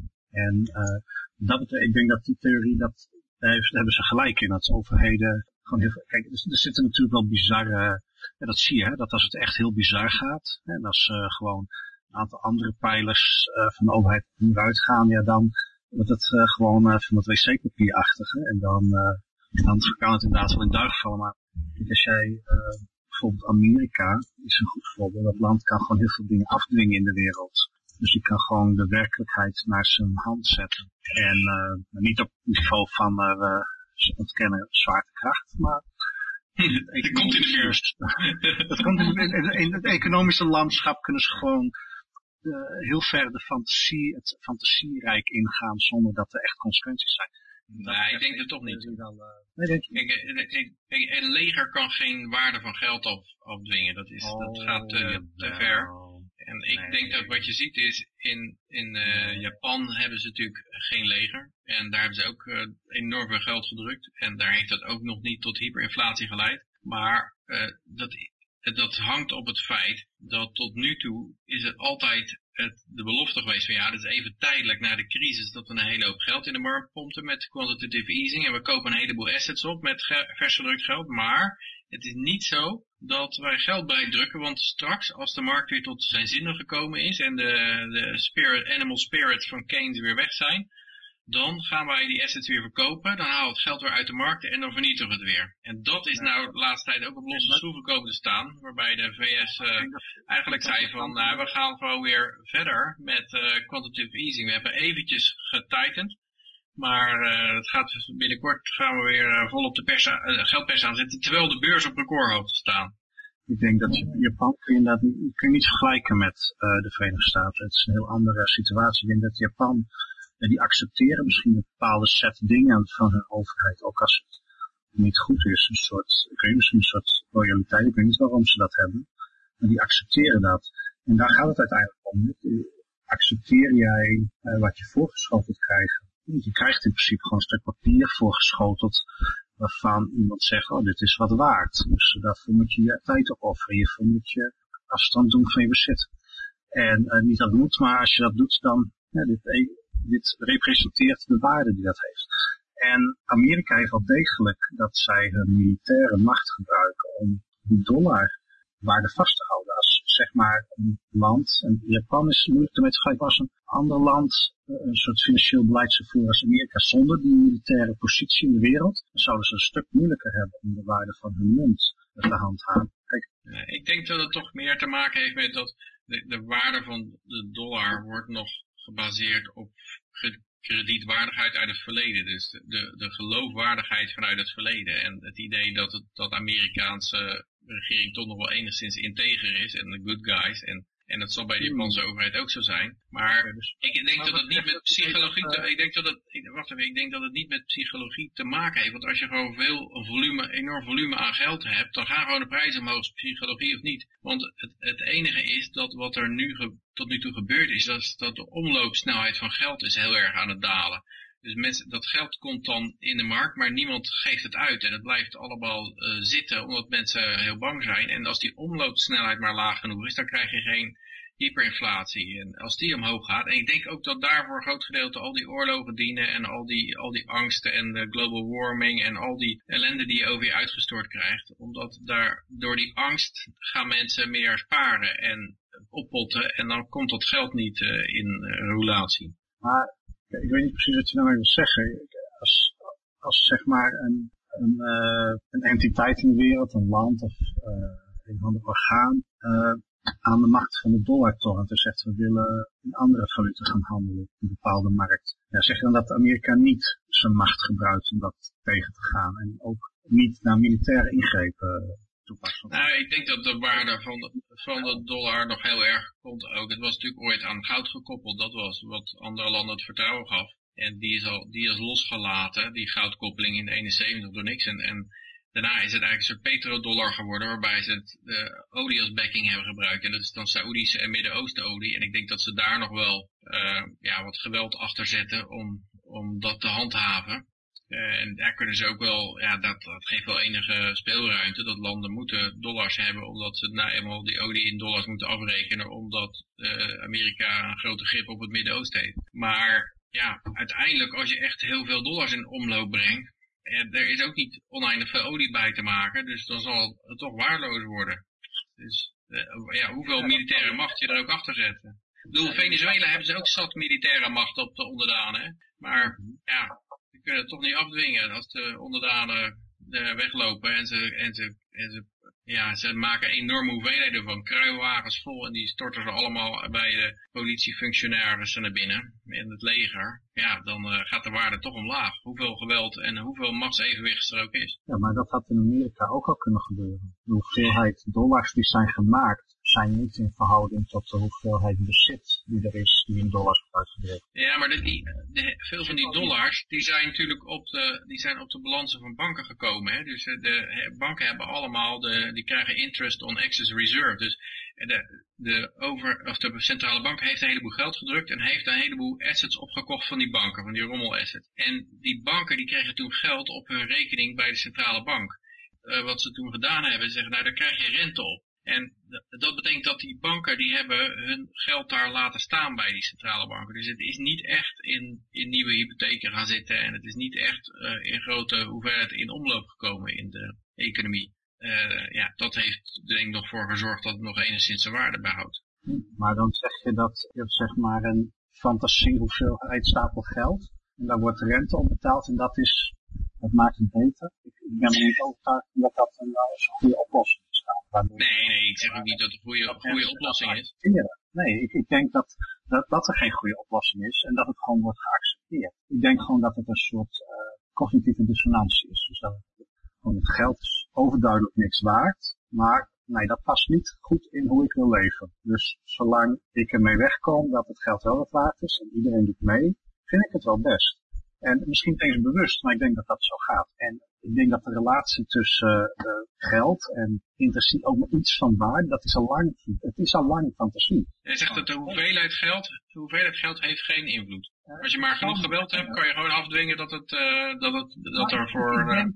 Het, het, kan, zeg maar, een bizar punt bereiken. Kijk, want uiteindelijk heb je wel inflatie. En dat is iets wat echt gebeurt. Dat, dat zei ik als eerste. Je kan niet ontkennen dat je met een bepaalde hoeveelheid geld, 10, 20 jaar terug, andere dingen kon kopen, meer vaak, dan nu. En nou, dat wordt vaak gedoezeld met heel veel verschillende dingen. Je hebt ook hè, dat de vooruitgang van dingen in de markt soms veel meer luxe voor een lagere prijs. Die verdoezelt het een beetje, maar inflatie bestaat wel degelijk. Op een of andere manier, kijk, ze kunnen niet, uh, het gaat nog niet zo cru dat ze zeggen, oh, we maken een wet, we zeggen inflatie is verboden. Dat soort gekke dingen doen ze niet. Dus die inflatie gebeurt al. En als je het zo gek maakt dat de inflatie te raar gaat, dan, dan, dan gaat het mis. Maar uh, dat, dat is vaak met landen die toch iets minder controle op factoren in de wereld hebben, komt eerder naar voren dan Amerika. Ik denk dat Amerika wel degelijk zoveel, zoveel vlakken in de wereld invloed kan uitoefenen met haar macht. En ook met de resources zoals ze bezitten, ook met de dingen die daadwerkelijk iets waard zijn. Hè? Ze bezitten ook daadwerkelijk reserves van grondstoffen die enorm veel waarde vertegenwoordigen. Dus ze kunnen,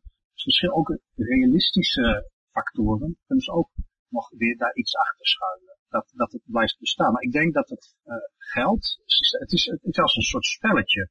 Dat je zegt van, uh, nou, ik heb bolletjes glas. En dit bolletje glas, uh, wat we in een potje gaan mikken, is vijf punten waard. En dit bolletje glas is tien punten waard. Dat is gewoon fantasie. En dat doen mensen onderling en ze noemen het knikkeren. En dat, dit is niet anders. Het geld is gewoon fantasie geworden. De, je hoeft het niet uit de grond te delven. Het is niet een metaal waar je enigszins sierlijk of andere elektronische waarde aan kan geven. Het is gewoon fantasie. Het is al helemaal een fantasiespelletje. En, het is natuurlijk dat zo dat uh, die uh, Paul Krugman die heeft al eens gezegd van nou, uh, we kunnen best onze problemen oplossen door een schuldenproblemen oplossen door een platina munt te, te maken en daar 1 triljoen dollar op te doen en dan geef je dat aan de Chinezen en dan zeg je zo, schuld is afgelost. ja, ik, uh, ik denk niet dat dat de waarde van de, van de munt ten goede komt. Wat je er, ja, het is, ik, ik ben het ermee eens hoor, dat ze hebben natuurlijk een heleboel assets en Zoals, uh, en, en ook een heleboel fictieve assets, hè, van die Facebook en Tesla en allemaal dingen die, die heel erg veel fantasie in zit, waar, die eigenlijk allemaal verlies maken. Of, nou, Facebook maakt geloof ik geen verlies, maar dat gaat denk ik nog wel komen als ze die data niet meer kunnen verkopen. Maar uh, ja, ik, ik zie de geldhoeveelheid toch wel als enorm belangrijk. En je zou Venezuela als een heel gesloten systeem kunnen zien. Wat maakt het uit dat ze in het buitenland helemaal geen macht hebben? Ze hebben in het binnenland enorm veel macht en die punt is alleen voor het binnenland bedoeld. En toch, als je er uh, uh, miljarden drukt, dan, dan is er gewoon steeds minder voor te koop. En als mensen dat doorhebben, dan gaan ze wel, ja, dan wordt het ook steeds erger. Dus, ja, ja. De ironie is dat die, of ik weet niet of ironie het goede woord is, maar die mensen in Venezuela, die accepteren dollars. En, ja, nou, maar dat is ook zo.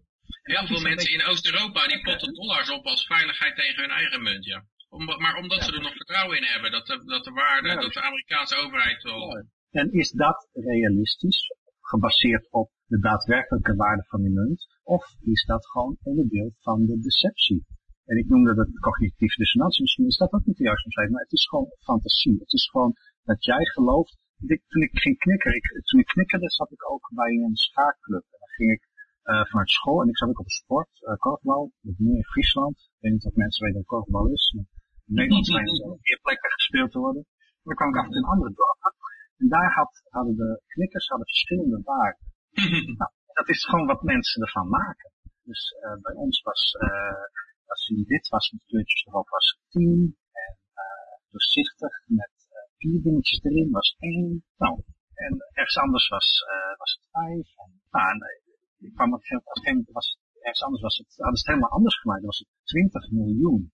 Was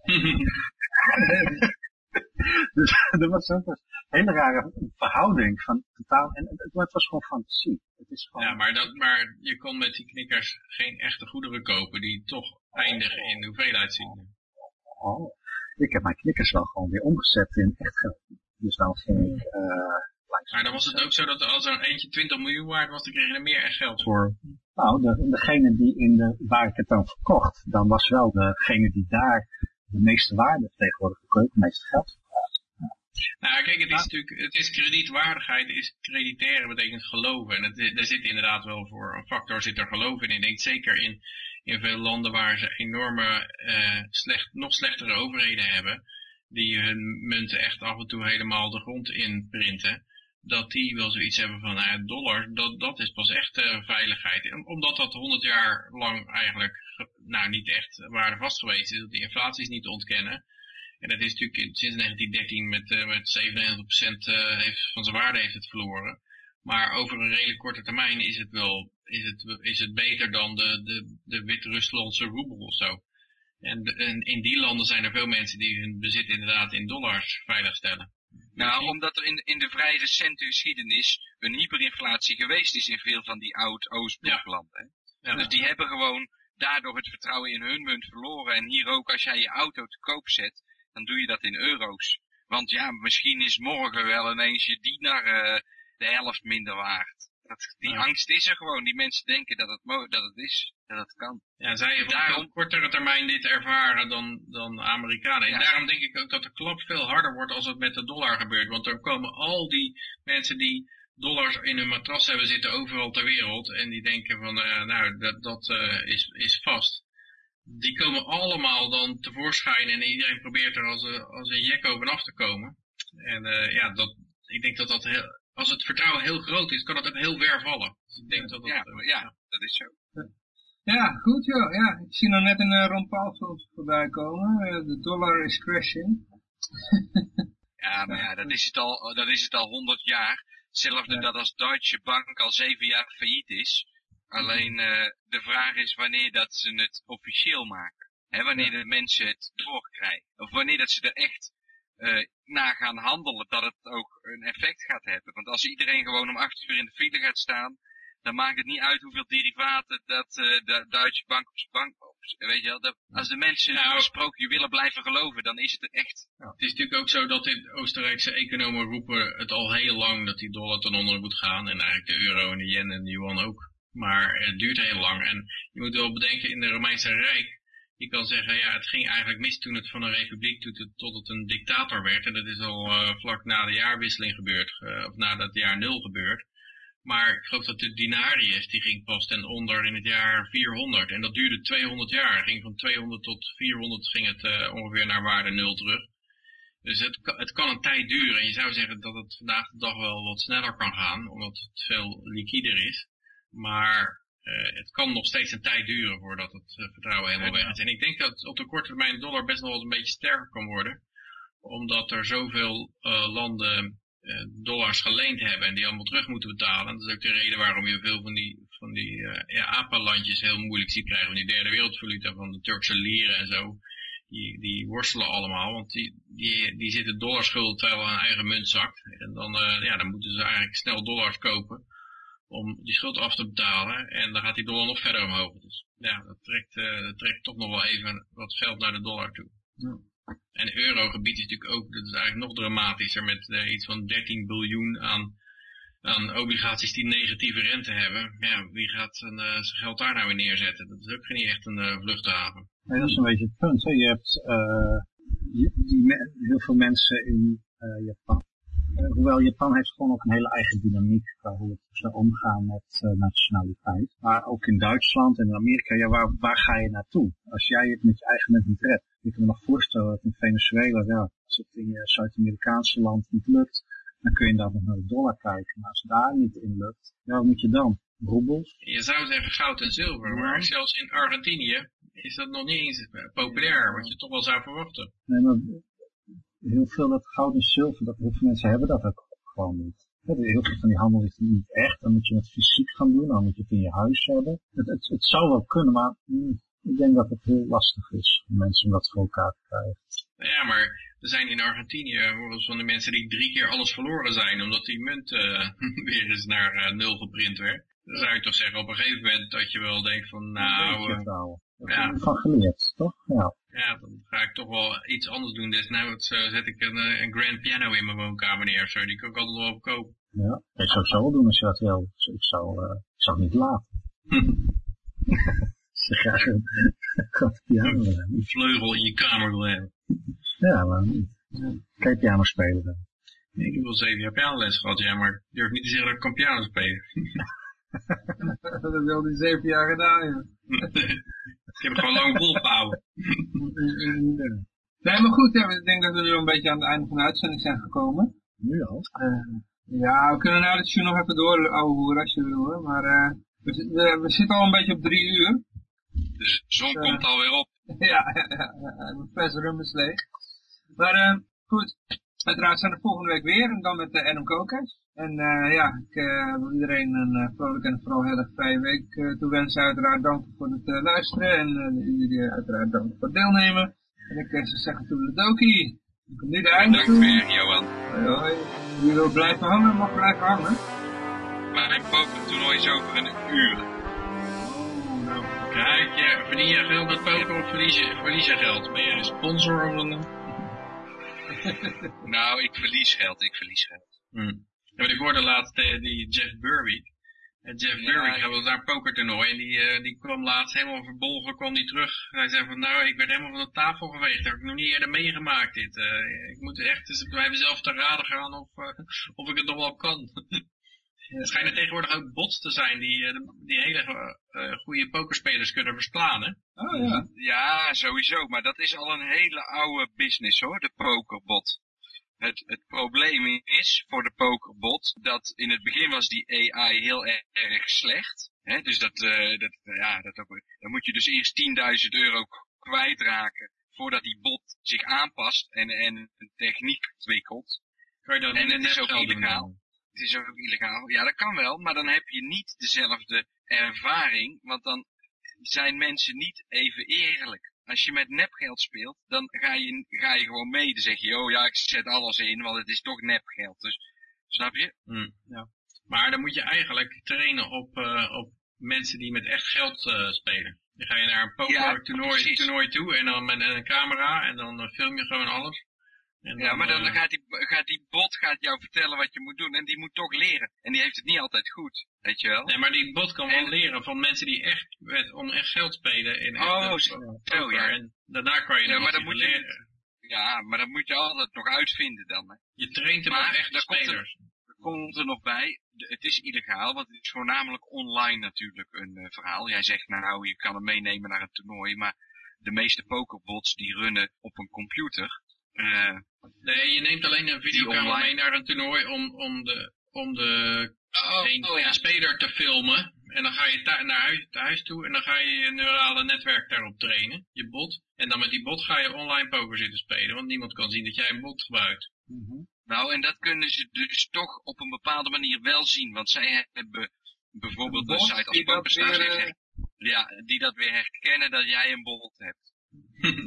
En eh, dat ligt er voornamelijk aan dat zulke accounts te veel uren maken, bijvoorbeeld. Snap je? Dat is in het, in het verleden, dat heb ik nu wel in ieder geval gelezen ergens, dus inmiddels zal het al wel achterhaald zijn. Maar dan waren er bijvoorbeeld accounts en die waren meer dan eh, 48 uur lang gewoon zes tafels tegelijk aan het pokeren. En dan zeggen ze, ja kijk, dat kan niet. Je kan dat niet zo lang volhouden. Ja, maar daar, dat kan je natuurlijk wel voorkomen, dat je daar eh, door de Ja. mand valt.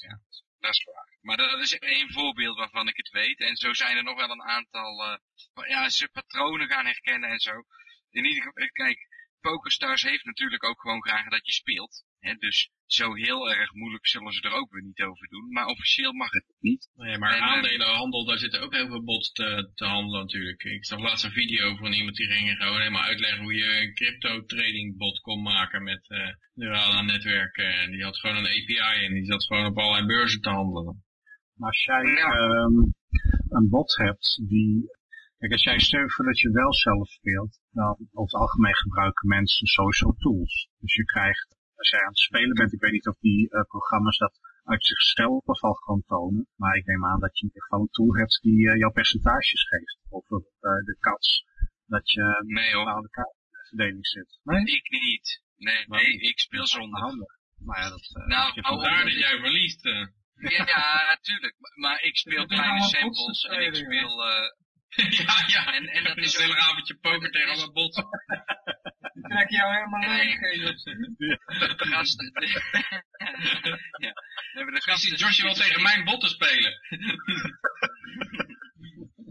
Nee, maar je hebt gelijk. En er is heel veel informatievergaringssoftware te verkrijgen. Uh, ja. En de mensen die dat gebruiken, die hebben het zeker op een bepaalde manier een voordeel. Maar als je dus op die manier speelt, ik speel maar één tafel en, en dan let ik gewoon op wat er gebeurt. En op een gegeven moment voel ik dan een beetje wat iemand doet. Uh, en, en daarop maak ik mijn beslissing. En ik ga dus, en, en er zijn anderen en die spelen tien tafels tegelijk en die kijken alleen naar de nummertjes en niet naar de situatie. En ja, ik verlies, dus dat weet ik van mezelf. Maar soms, ik ben wel eens, uh, ik word wel eens eerste, ik ben wel eens eerste geweest, ik ben wel eens in het afgelopen jaar eerste geworden en zo, dus ik kan ook winnen. Nee, maar je kunt, uh, kijk, als jij statistisch onverstandige keuzes maakt, uh, kan je wel eens mazzel hebben. Dus Tuurlijk, is, dat, ja. Dus dat is, en ik, mijn, mijn ik speel zelf, om, Klaas, als ik, jou, als ik je vraag nog dieper mag beantwoorden, dan is de reden dat ik die software niet gebruik, of laat ik het anders zeggen, ik vind het met gebruik van die software niet leuk. En dus de games die ik speel zijn allemaal toernooitjes en hyperturbo's. Wat betekent dat het op het einde gewoon één grote crapshoot is. Uh, want die blinds die gaan dan heel vlug omhoog en dan moet je gewoon vlammen. En dan heb je dus minder aan die statistieken. Minder als dat je een toernooi speelt wat een week duurt bijvoorbeeld. Ja, ja. Het, ik vind het allemaal Ik kan me ook voorstellen hoor. Ik heb, uh, ik heb vaak genoeg uh, met bepaalde tools spellen gespeeld. En ik moet zeggen, het, is niet, het wordt niet altijd leuker van. Maar het is mijn ervaring wel dat als je niet ja, de elektronische hulpmiddelen gebruikt die voor bepaalde games worden ontwikkeld, ja, dat je dan uiteindelijk toch wel vaak het onderspit gaat. Omdat ze ook gewoon een, een functie vervullen die mensen in staat stelt om het spel beter te spelen. En vaak, je hebt zelf ook allemaal, het is heel makkelijk om, om uh, een soort intuïtief gevoel te hebben. En, en, en, dat is niet altijd rationeel, jouw intuïtief gevoel. Wat jij, jij zegt het net al een beetje, dat je dan een beetje feeling krijgt. Maar dat, dat hoeft niet in rationele fundamenten te staan. En dat is vaak wel goed als je dan gewoon een tool erbij hebt. Dan weet je in ieder geval, je hoeft er niet naar te luisteren. Dan weet je in ieder geval wat je aan het doen bent. En dan kun je zeg maar, uh, wat je zelf denkt, van ik wil nu dit doen om wat even rationalisatie erbij hebt, kun je ook toetsen aan wat daadwerkelijk de informatie is die op dat moment beschikbaar is. Dat kan soms best wel handig zijn om te weten. Ja, zo'n schaakcomputer vond ik ook wel apart. Ik heb al lang geschaakt en dan uh, op een gegeven moment verlies je het gewoon tegen een schaak-app op je telefoon. het is gewoon, uh, ja, het is vernederend.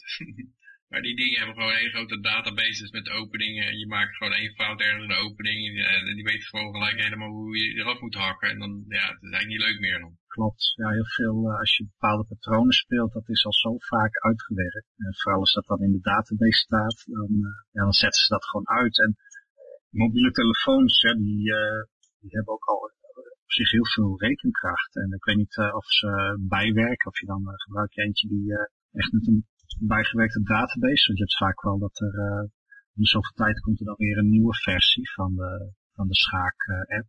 er zijn schaak-apps die heel goed uh, zijn, heel uitdagend.